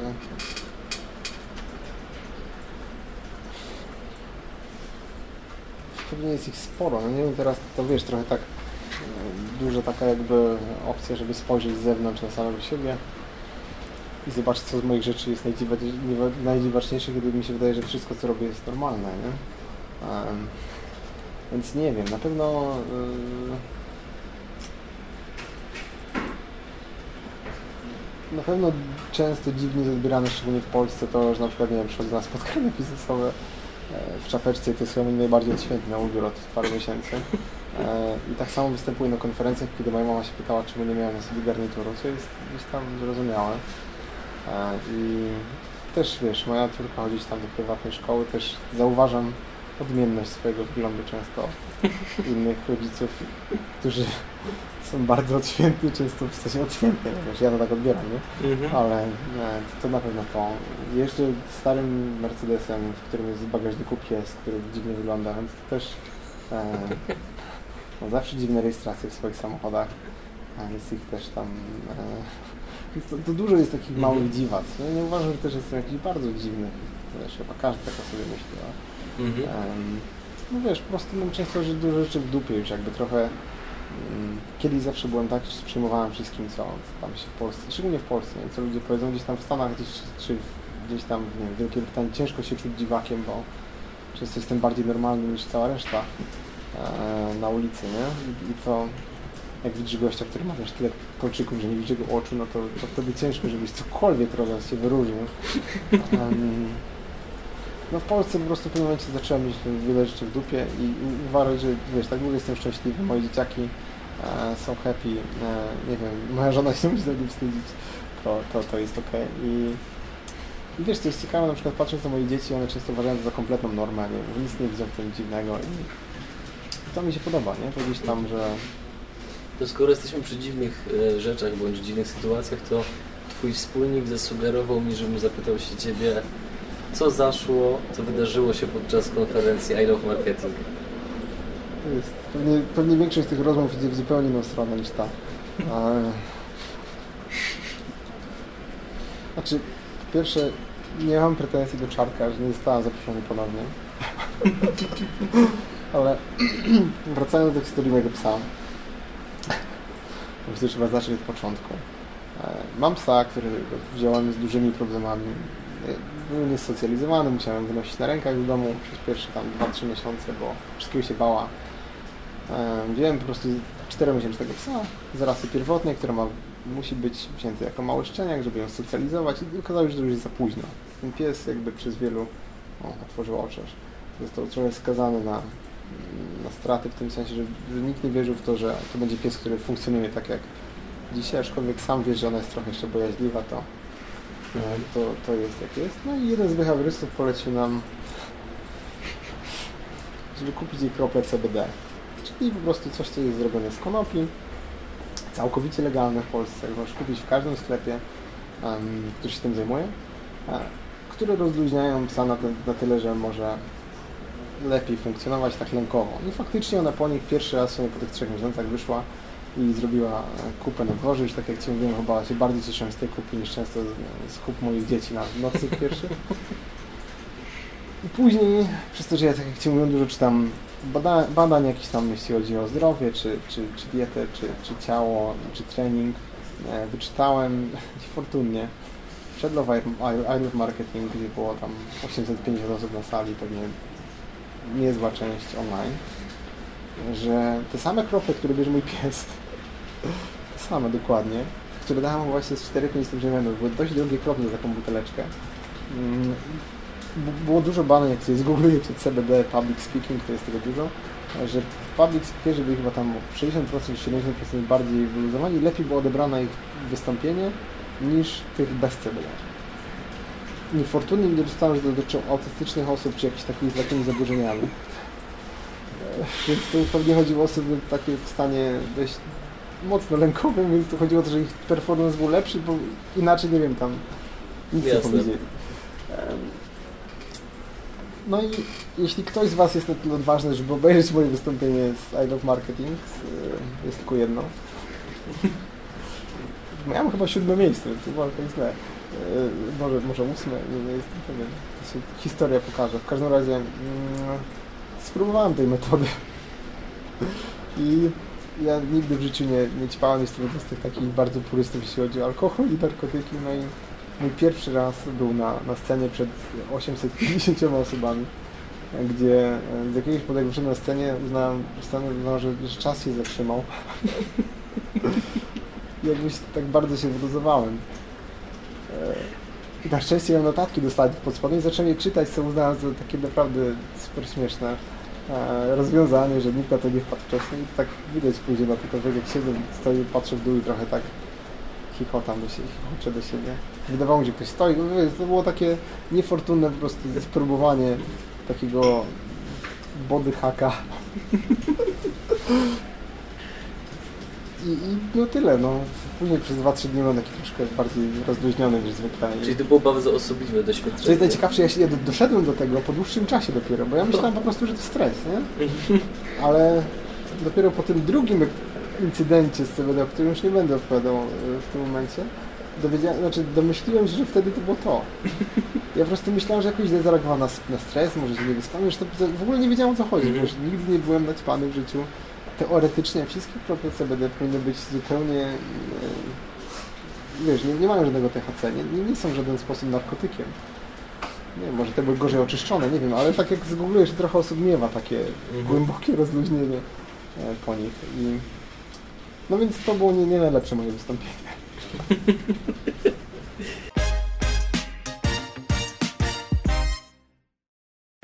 największe grzechy polskich firm związane z obecnością w internecie. Jak im zarazić? Brzmi jak jakiś clickbaitowy tytuł. Dokładnie tak. In Poland. Um, Pozdrawiamy redakcję. to z urazy, ale milionerak z Wrocławia, jakoś nie mogę. No w każdym razie mm, trzy największe grzechy, wiesz, tak z czapy pierwszy, no to chyba tak naprawdę mała świadomość tego, co robią, więc jeśli, jeśli ktoś chce być on, online i ma, nie załóżmy, że to jest e-commerce, bo domyślam, że obecność online, no to w jakimś stopniu możemy powiązać Mhm. grubimy nić, nićmi z e-commerce. No to jeśli masz e-commerce i robisz to bez jakiejś takiego dużej świadomości, ja dzisiaj e, nie odważyłbym się otwierać e-commerce'u i mówię to z całą odpowiedzialnością, w sensie wiedząc, siedząc w tej branży, sam pracując z dużą ilością e-commerce'ów, czuję się komfortowo, jeśli chodzi o SEO, ale cała reszta tych procesów stała się naprawdę mm, wymaga już, to nie jest tak, że teraz jakiś tam pan Janusz sobie założy e-commerce i zacznie sprzedawać nie wiem, nagrobki i będzie miał wielki sukces. Nie wiem, czy jest jakaś branża jeszcze, która jest taka nienasycona, więc moim zdaniem pierwszy to jest e, samemu musisz być wielkim ekspertem albo mieć bardzo duży budżet, żeby zlecić to naprawdę dobrym ludziom. Nie? I to jest wciąż, jak tak jak rozmawialiśmy przed programem, wciąż mm, łączy się ze sporym ryzykiem porażki. Więc to tak wiesz, nawet jak zalejesz pewien jakiś e-commerce pieniędzmi, nie będąc samemu super ekspertem, jest tu jakieś ryzyko i to duże, nie? Więc tutaj jest pierwszy błąd, to, to chyba takie, mm, no wiesz, mamy czasami takich klientów, którzy chcą zrobić kopię Allegro, mają 10 tysięcy, nie? No to jest trochę takie, nawet jakby mieli 100, albo nawet jakby mieli pół miliona, to często na dobry e-commerce to pół miliona to jest taki rozruchowy, wiesz, budżet. To jest pierwszy. E, Drugi, chyba takie za małe rozeznanie e, tego, jaka jest Twoja e, dźwignia, zanim wejdziesz w biznes. Czyli ludzie w moim odczuciu często zaczynają biznes i nagle mówią, ok, ale mam mały budżet i tak powolutku to się e, ale widzę stronę, która nie ma ani unikalnych produktów, ani nie może zawalczyć ceną, co jest wiadomo najgorszą opcją, a nawet to, ani nie ma jakichś super wartości, ani nie ma ekspertów. No to, to jest duża część polskich e-commerce'ów. Mm, Więc jeśli nie masz tych czterech rzeczy, a chcesz zawalczyć jeszcze do tego dołożysz mały budżet, nawet dużym budżetem, no to jest już mm, no klops, nie? W sensie Szansa sukcesu jest no, niewielka, oczywiście żeby są nie- takie, którym się udało i ludzie czasami budują, wiesz, wielkie story, ale jest dużo, myślę, wydaje takich mm, dużych case study sukcesu w Polsce, które jak się im przyjrzysz, to to są takimi trochę, wiesz, naciągniętymi tabelkami, nie? Są e-commerce dalej, które często sobie nie radzą, albo wiesz, radzą sobie gorzej. Mm, Trzecim to jest trochę taka... y, W Polsce mamy taką dużą wizję ekspansji, czyli mam już sklep, który gdzieś tam sobie radzi i zacznę robić teraz to samo Wielkiej Brytanii, Niemczech, e, Holandii, Hiszpanii i tak dalej i zwiększę budżet o 20% ten, co wydaje w Polsce. No i to jest najczęściej niestety, my zajmujemy się bardzo dużą, znaczy mamy dużo klientów i pewnie większość naszych klientów takich em, stałych to są klienci międzynarodowi, czyli nawet do 90 różnych krajów dla jednej domeny, czy tam 90 domen, różne są konfiguracje. I budżety, które te e, najczęściej startupy, czy tam jakieś, e, no jak nie startupy, to takie bardziej już trwałe e, struktury wydają na to wszystko, są budżetami, które mnie zawstydzają, jak ja chociaż widzę na ich kawałek, nie? Więc my jesteśmy wtedy, mm, dlatego oni też często patrzą tak na, na wydatki na SEO. Więc znowu, jeśli masz te nagrobki i myślisz sobie, robisz ekspansję na Rosję, Niemcy, Czechy, wszystko jedno, ten budżet musisz na pewno podwoić przynajmniej, jak nie, nie potroić, bo nagle e, jedna rzecz logiczna, której ludzie nie rozumieją, jeśli ty masz 10 tysięcy złotych miesięcznie na Niemcy, a wszyscy twoi konkurenci wydają 60, to no masz jakąś tam małą szansę, że oni wydają mi bardzo źle, ale to są Niemcy, oni rzadko robią coś źle. E, Jest ten taki niemiecka definicja chaosu teraz w prezentacji, że jest, są trzy spinacze w jedną stronę, jeden w drugą. E, No to trochę Niemcy są bardzo technicznym krajem i tam jest to SEO bardzo dobre jako przykład. A większość ludzi wybiera ekspansję na Niemcy e, i dużo polskich agencji zaczynają budować linki na forach niemieckich, to, to nie działa, nie? E, Więc musisz zobaczyć, ok, twoi konkurenci wydają 100 tysięcy, musisz wydać 100, a jeśli chcesz się dogonić, to musisz wydać 120, żeby to tempo trochę zmniejszyć. I to jest chyba największy grzech, też w Polsce, nie? Czyli nawet jak chcesz mm, otworzyć sobie następny startup czy e-commerce e, na naszym rynku i wiesz, że wszyscy twoi konkurencji wydają, możesz sobie założyć, czy na przykład wiesz skądś tam, bo ktoś pracował 100 tysięcy, a ty mówisz, dobrze, zaczniemy od 20, to bez sensu, no to nie jesteś w stanie ich dogonić ani... No to jest takie trochę wykrwawianie się z kasy, nie? I to chyba takie trzy, niedocenienie trochę rynku. Okej.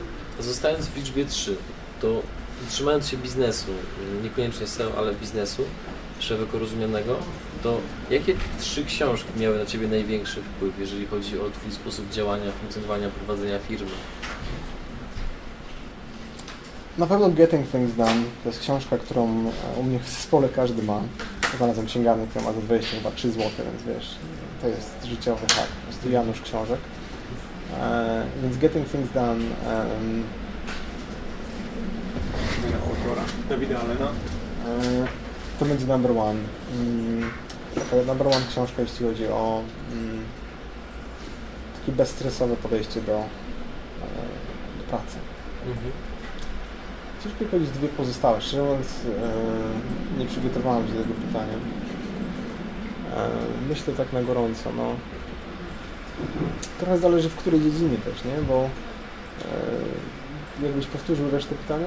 Trzy książki, Mm, które? Trzy książki z szeroko rozumianego biznesu, niekoniecznie związanego z, nie musi to być związane z SEO, które miały największy wpływ Twoim zdaniem na Twoje codzienne działanie, na Twoje prowadzenie firmy. To na pewno drugą by był e, Rework, to już kompletnie gości z Basecampa. E, Czytałem. trochę pokazali takie podejście, które my na początku kopiowaliśmy w dużym stopniu, czyli podejście, że nie musisz się skalować, że nie wszystko musi być skalowalne. Bo jak ja słyszę często tych biznesmenów, którzy się pytają, czy coś jest skalowalne i próbują to skalować, często jakości nie da się skalować.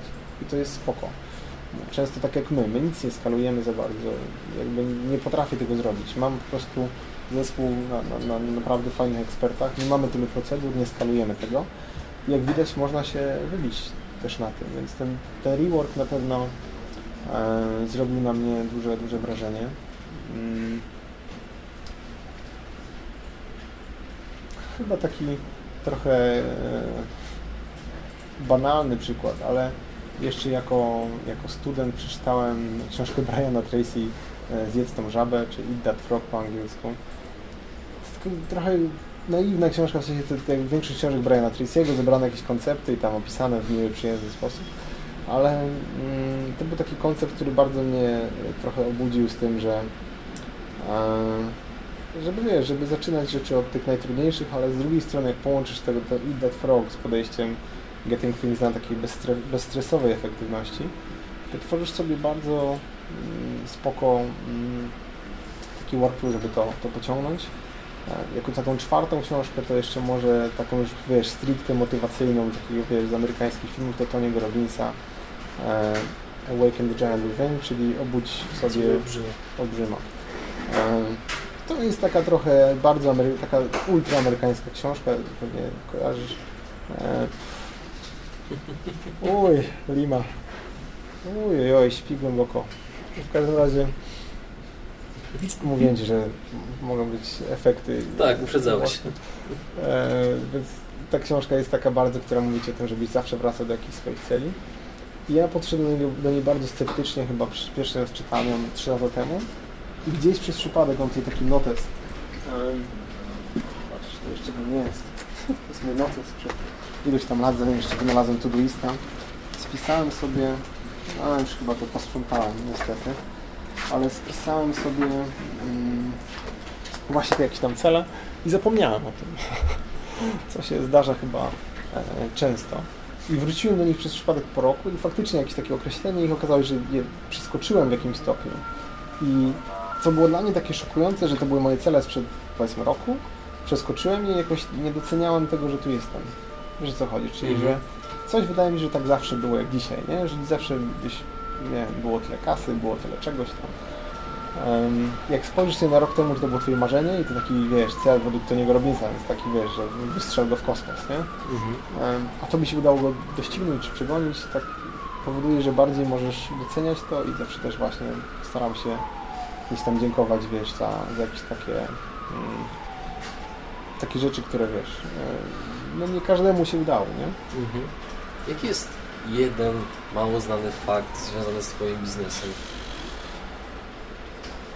Trochę do niego chyba nawiązałeś teraz mówiąc o tych książkach. Myślę, że mało takich, no, no, no chociażby to, to, to właśnie bezstresowa efektywność, która dalej jest trudna, bo to, że ludzie czytają tą książkę, to, to jest wiesz, pierwszy krok. Ja sam oswajałem się tą metodologią przez dłuższy czas. E, Lima. Już Nie widzą tego ludzie, ale nasz pies e, uznał nasz wywiad za bardzo relaksujący i Daje to odczuć. Momentami. Czujemy się jak w domu. Takim, takim po bigosie, ale dobra. Każdym razie, no to to jest zawsze takie wyzwanie. O jeden nie mało znany fakt, to chyba to, że my dalej z Wojtkiem jeszcze jesteśmy w takiej, bo, bo, bo też czasami e, mam wrażenie i tak ludzie nas traktują, że jesteśmy tacy, wiesz, na szczycie, nie? Ja, jak dla mnie i to też tam czasami widzę po, po naszym, mm, nie chcę może narzekać, po naszym gdzieś tam e, rozwoju, że mm, porównując się często z naszymi klientami, może nie jest najlepszą opcją, e, my wciąż jeszcze nie jesteśmy na tym poziomie, żeby sobie kupić, wiesz, e, podnoszone biurka dla każdego i zrobić sobie, wiesz, e, salę do medytacji osobną i, i nie wiadomo co. No jeszcze, jeszcze nie jest to ten moment i myślę, że z Wojtkiem mamy ogromną, ogromną pokorę i skromność do tego, gdzie jesteśmy. Mm, I nie traktujemy tego, broń Boże, jako miejsce docelowe. I mimo, że z zewnątrz też, nie wiem, czy tak to wygląda, jak sobie wyobrażam, może to wyglądać jak naprawdę byśmy mm, już osiągnęli ogromną stabilizację. Dla nas to wciąż jeszcze jest taki trochę, trochę wojna, trochę taki startup, wiesz, głęboki i i myślę, że potrzebujemy jeszcze tak z pół roku, rok, przynajmniej jak nie dłużej, bo tak co, co, co pół roku mówię, że tak potrzebujemy, żeby to um, ustabilizować bardziej. Nie? Mhm. Jakie są Twoje najlepsze nawyki według Ciebie? Co robisz inaczej niż większość ludzi? Oj, um, Bo jesteś osobą z tego, co no, ja tak Cię przynajmniej odbieram, bardzo świadomą, analizującą swoje postępowanie, to co robisz, jak robisz. Podobno też mówiłeś mi y, przed wywiadem, jeszcze jak rozmawialiśmy na Messengerze, że zdarza Ci się medytować. To być może o tym mógłbyś parę rzeczy Znaczy, powiedzieć, no bo tu ogólnie- jednak wiesz, jesteśmy, wciąż trzeba pamiętać, że jesteśmy w Polsce i jak mówisz, powiedzmy, przeciętnemu przedsiębiorcy, ja medytuję, tak no, może się zrobić dziwnie, nie? wiesz, myślę, że większość, jakby powiedział, swoich nawyków i rzeczy, które mnie wyróżniają, to, to, to i tak chyba mm, trzeba zaakceptować, że to za hejtu. E, w sensie Myślę, że każdy gdzieś tam powie coś bardziej prywatnego, to wiesz, to jest to jakieś takie miejsce odsłonięcia się, gdzie e, takie słabsze osoby łatwo i chętnie wrzucają jakiś cios.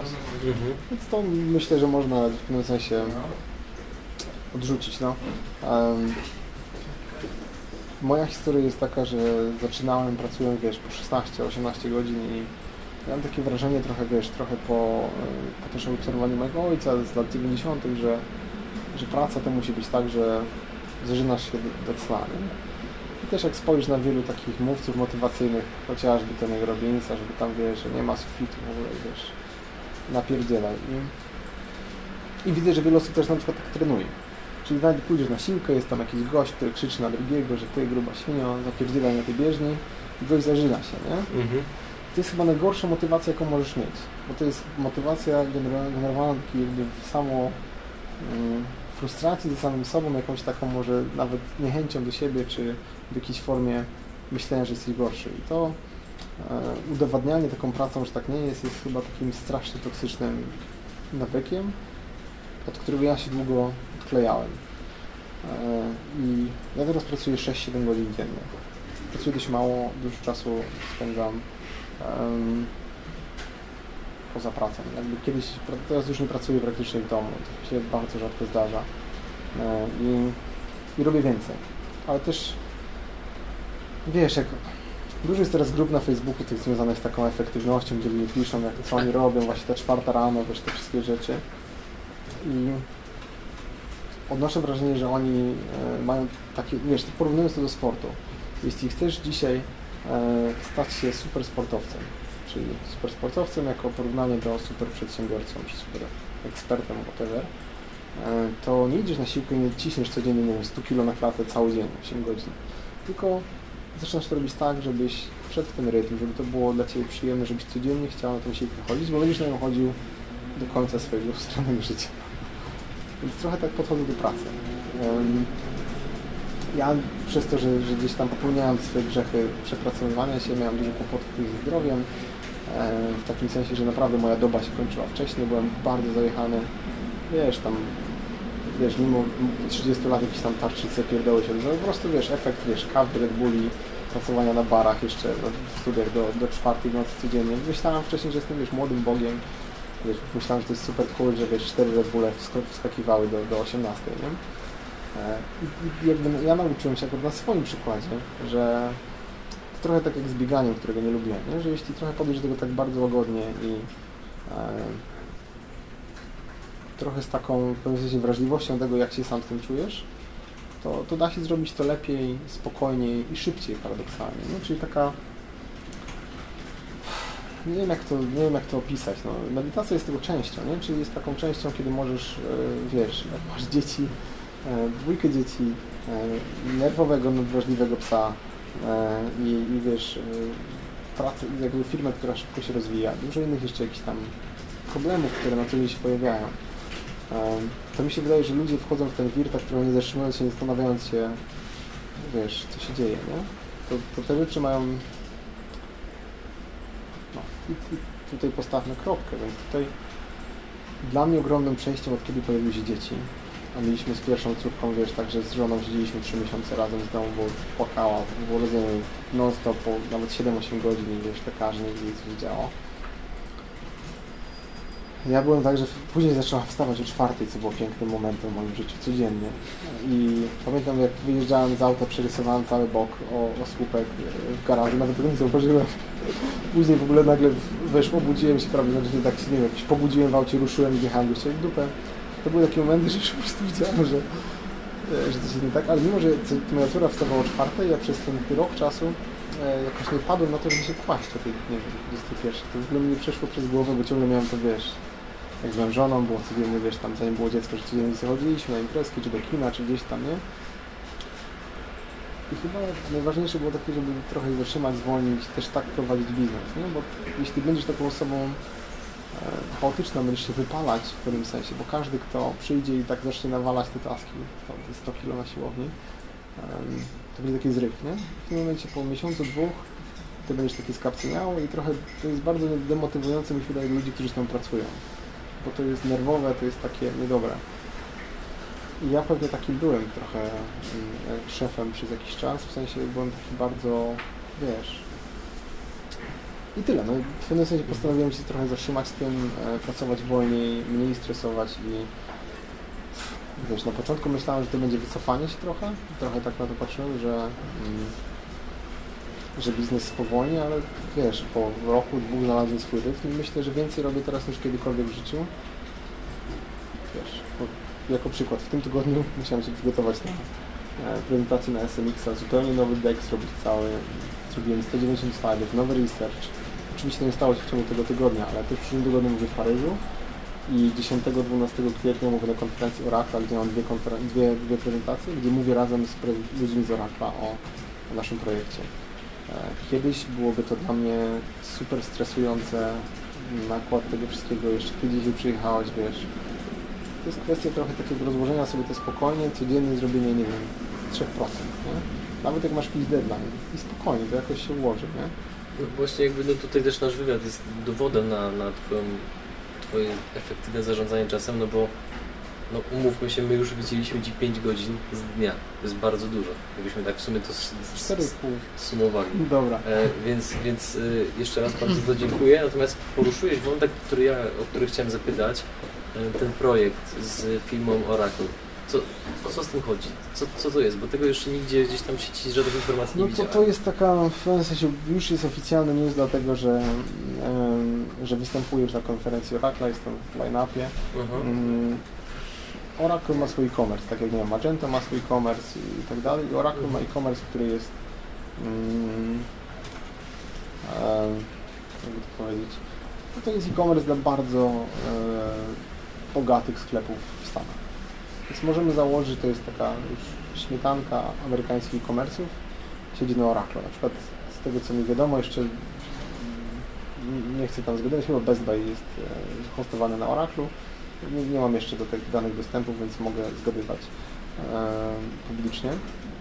W każdym razie są największe sklepy, tam jest chyba Tesco, to są duże, duże e-commerce z całego Mhm. świata.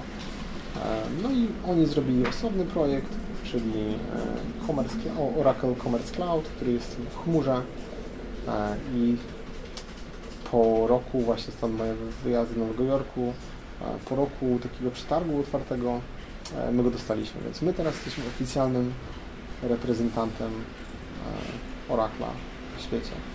E, Więc wszystkie rzeczy związane z SEO dla tego, dla tej części tych, to jest chyba ponad 100 e-commerce'ów, nie jestem pewien. E, To jest duża część e-commerce'ów, które tam, tam stoją. My będziemy jakby supportować je wszystkie. Więc To jest ogromny przeskok dla Was chyba, co? Pod każdym jest- względem. Wiesz, to jest trochę tak, że to się ciągnie ponad rok i to był rok, wiesz, ofertowania, wyjazdów, spotkań w Nowym Jorku z ludźmi tam, prezentacji. Coś, w czym nie czujemy się komfortowo, bo nigdy nie musieliśmy tego robić w takiej skali. Czyli klientów mamy też zdalnie, przez maila, to nie jest taki... I wiesz jak to jest, aż dopóki nie musiałem kupić teraz biletu do Chicago, no to mm, trochę to jest tak, że nie wierzysz w to, bo jeszcze wiesz, jeszcze przelew nie jest na koncie, jeszcze Mhm. wiesz, to jest trochę... Jeszcze tego nie dotknąłeś, tak? Tak Tak, i, bezpośrednio. i wiesz, trochę jest tak chyba u nas też może w Polsce, czy, czy, czy może wszędzie, nie wiem, ciężko, i takie na pewno ja mam, że przy tak dużych rzeczach i przy tak dużych, tak powiem, pozytywnych zrządzeniach losu, e, no to mi się wydaje takie mało realne, nie? I mieliśmy mnóstwo rzeczy musimy pozbierać z tego. Ten proces się ciągnie i ciągnie. To się chyba też rozkłada ta radość tak, tak w czasie, ale no teraz sobie nie wyobrażam nie robienia tego, bo jestem, chyba cały nasz zespół jest tak podierany w ogóle. Musiałem im kazać przestać pracować nad tym, dopóki jeszcze będzie umowa podpisana, wszyscy chcieli zobaczyć, co tam jest, wiesz, i e, ekscytacja była naprawdę aż zbyt duża. No i to jest dla nas przeskok, czyli my w tym momencie będziemy mieli też, mam nadzieję, e, resztę tych sklepów, które są w Stanach, jakby wchodzimy na trochę takie wyższe koło. Wiesz, trochę in, inne te polecenia będą, inni klienci, inna jakość i myślę, że to jest to, na co pracowaliśmy przez te wszystkie lata, nie? Taka trochę wygrana jeż- jeżeli już dotykamy tematu przyszłości, to jaka według Ciebie będzie przyszłość wyszukiwania informacji? Czy głos zastąpi tekst? Tak jak gdzieś tam widzę, że niektórzy w cudzysłowie eksperci szacują, że tak może być, że wyszukiwanie głosowe może być przełomem. Przynajmniej przy kilku branżach sobie nie wyobrażam, żebyś szukał tego na głos. Em,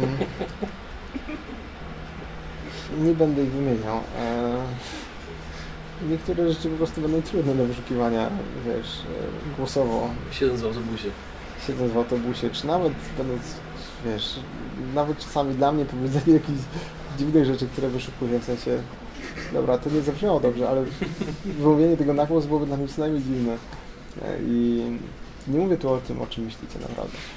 E, ale dla mnie to jest jakby też może to jest różnica pokoleniowa. No, z tego co wiem, e, młodsze pokolenia i jak na przykład, nie wiem, byłem w Australii, była strasznie popularna. Stąd widziałem, że wszyscy chodzą po ulicy, gadają do telefonów. U nas chyba jeszcze nie ma takiego trendu. Nie, u nas się puszcza muzykę z telefonu. Tak, u nas tam widzę w Biedronce w kolejce to zawsze jest mój ulubiony moment, ale nie, nie wiem jaka jest przyszłość. Tutaj wiesz, my, my staramy się być na tyle proaktywni, żeby być troszkę z przodu. I my jesteśmy z przodu, jeśli chodzi o pewne trendy, jeśli chodzi o optymalizację techniczną, ale też e, no, no Wojtek działa w dziale content marketingu trochę z tym, e, że przychodzą lekko już takie działania PR-owe, bo, bo faktycznie dużo ich publikacji ma ogromny wydźwięk PR-owy, chociażby publikacje Morizona. Gdzieś tam to się zazębia, więc domyślam się i z tego co rozmawiam z Wojtkiem, no pewnie jest to jakiś tam taki naturalny następny krok. E, u nas, wiesz, my stajemy się tak bardzo techniczni i, i, i z czasem pewnie gdzieś w którąś stronę to pójdzie. No to jest teraz taki od roku dosłownie moment dużej transformacji naszej agencji. E, więc staramy się patrzeć na następny krok, tylko my go jeszcze nie widzimy. Google jest coraz lepszy z, y, z nowymi technologiami, takimi jak nie wiem, Angular, nie wiem, React i tak dalej. Em, Więc na razie skupiliśmy się bardzo mocno na tym, stąd zresztą e, Oracle, który też jest e, javascriptowym frameworkiem.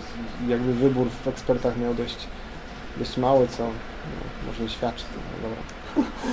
No, Czy ta strategia się opłaciła po prostu? ta tak? strategia się opłaciła, to było trochę postawienie wszystkiego na jednego konia przez przypadek, nie? No i ten przypadek jak zawsze miał jakiś tam e, dobry też podmuch z góry w dobrą stronę.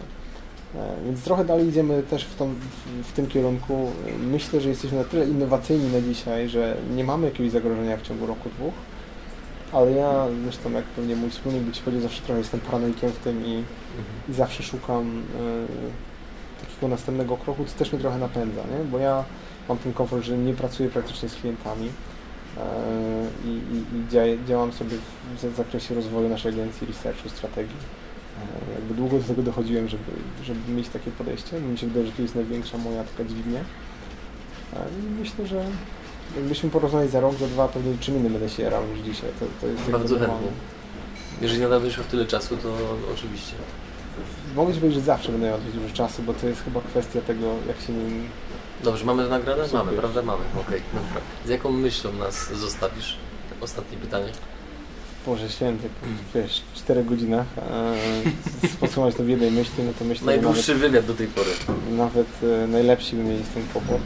E, myślę, że żeby trochę e, ludzi, którzy w jakiś sposób krążą dookoła SEO albo ogólnie dookoła biznesu e-commerce'owego, em, czasami zatrzymali i pomyśleli sobie, ok, czy naprawdę to, co robię, idzie w kierunku tego, żebym był najlepszy w tej branży, a jeśli nie, no to może albo muszę zmienić pracę, albo muszę zmienić, nie wiem, wydaje mi się, że często ludzie trochę zapętlają się i nie mają takiego momentu zatrzymania się, stąd to wiesz, tam medytacja czy cokolwiek, dowolna i możesz biegać, możesz chodzić po parku, wszystko jedno, jakaś forma takiego zatrzymania się, oderwania się od codziennej pracy. I taki, no, takiego może trochę ref, kościelnego słowa, wiesz, refleksji na temat tego, czy to idzie w dobrym kierunku, czyli jeśli masz sklep, to czy Mhm. on, nie wiem, za e, 3 lata ma szansę być najlepszy, jeśli nie, to, to może pora, wiesz, na rewolucję w tych wszystkich polskich komediach romantycznych, wiesz, rzucenie wszystkiego i wyjechanie w Bieszczady, albo po prostu za, zaczęcie innego biznesu. Ale co do tych refleksji, to czy w ogóle ta rada, którą teraz dajesz, wydaje mi się, że ona jest, y, można ją zaadaptować praktycznie do każdej branży, bo ja sam po sobie widzę, że często naj, naj, najlepsze pomysły, które są jednocześnie najbardziej oczywistymi, przychodzą mi w momencie, kiedy jestem najczęściej na treningu, jestem na przykład na bieżni, czy jakiejś powiedzmy innej maszynie i te myśli swobodnie krążą, zdarzają się ze sobą i nagle sobie myślę, "E, Naprawdę na to wcześniej nie wpadłem, wcześniej tego nie widziałem, a wystarczyło, nie wiem, połączyć dwie osoby, wysłać jednego maila, zrobić coś ultra prostego, co nagle staje się tak potężną dźwignią, że to jest aż niewyobrażalne. Niemniej też zauważyłem, że kiedy e, powiedzmy z jakichś powodów ten trening na przykład się nie odbywa przez tydzień, dwa, to czuję się taki chomik w tym kołowrotku, że cały czas jest bieg, bieg, bieg, sprint, nie ma tego momentu zwolnienia i tym momentem zwolnienia nie jest absolutnie powrót do domu, bo i tak są inne obowiązki, które trzeba wykonać, więc ja absolutnie się pod tym podpisuję i uważam, że e, każdy powinien mieć taką przestrzeń, czy to w obszarze medytacji, czy czegoś innego. To, to osoby niewysportowane jak ja mogą medytować, bo jak ja jestem na bieżni, to myślę o tym, żeby się nie wy- wyjebać i nie przewrócić. Em, ale tak, no to ja, sauna jest dla mnie takim, wiesz, jednym z większych moich wysiłków sportowych i tam Mm. mam większość swoich refleksji też, e, wiesz, w momencie, kiedy, no wiesz, ciężko tam patrzeć w telefon czy książkę, nie? Mhm. Ale wiesz, siedzisz sobie w własnym pocie w ręczniku na golasa, no to jest moment do refleksji. Bartek, dziękuję Ci za fantastyczny wywiad, za poświęcenie takiej ilości czasu. Życzę Wam samych sukcesów i nie wiem, nie wiem czego jeszcze, bo wydaje się, że wszystko macie. Naprawdę dzięki za ten czas. Dziękuję Ci również Adrianie. Fajnie, że, że do nas przyjechaliście z takiego e, odległego miejsca, no przystało, a nie, dalej pada śnieg. I, e, no i mam nadzieję, że jakoś to poskładacie, te nasze dzisiaj, e, chyba faktycznie prawie 5 godzin naszego tego i że ktokolwiek dotrwa do tego momentu, więc ktokolwiek jest w tym momencie, no to mamo, Ola, pozdrawiam. Myślę, że to jest całość, całość ludzi w tym momencie. Dziękuję za wywiad. Dzięki wielkie.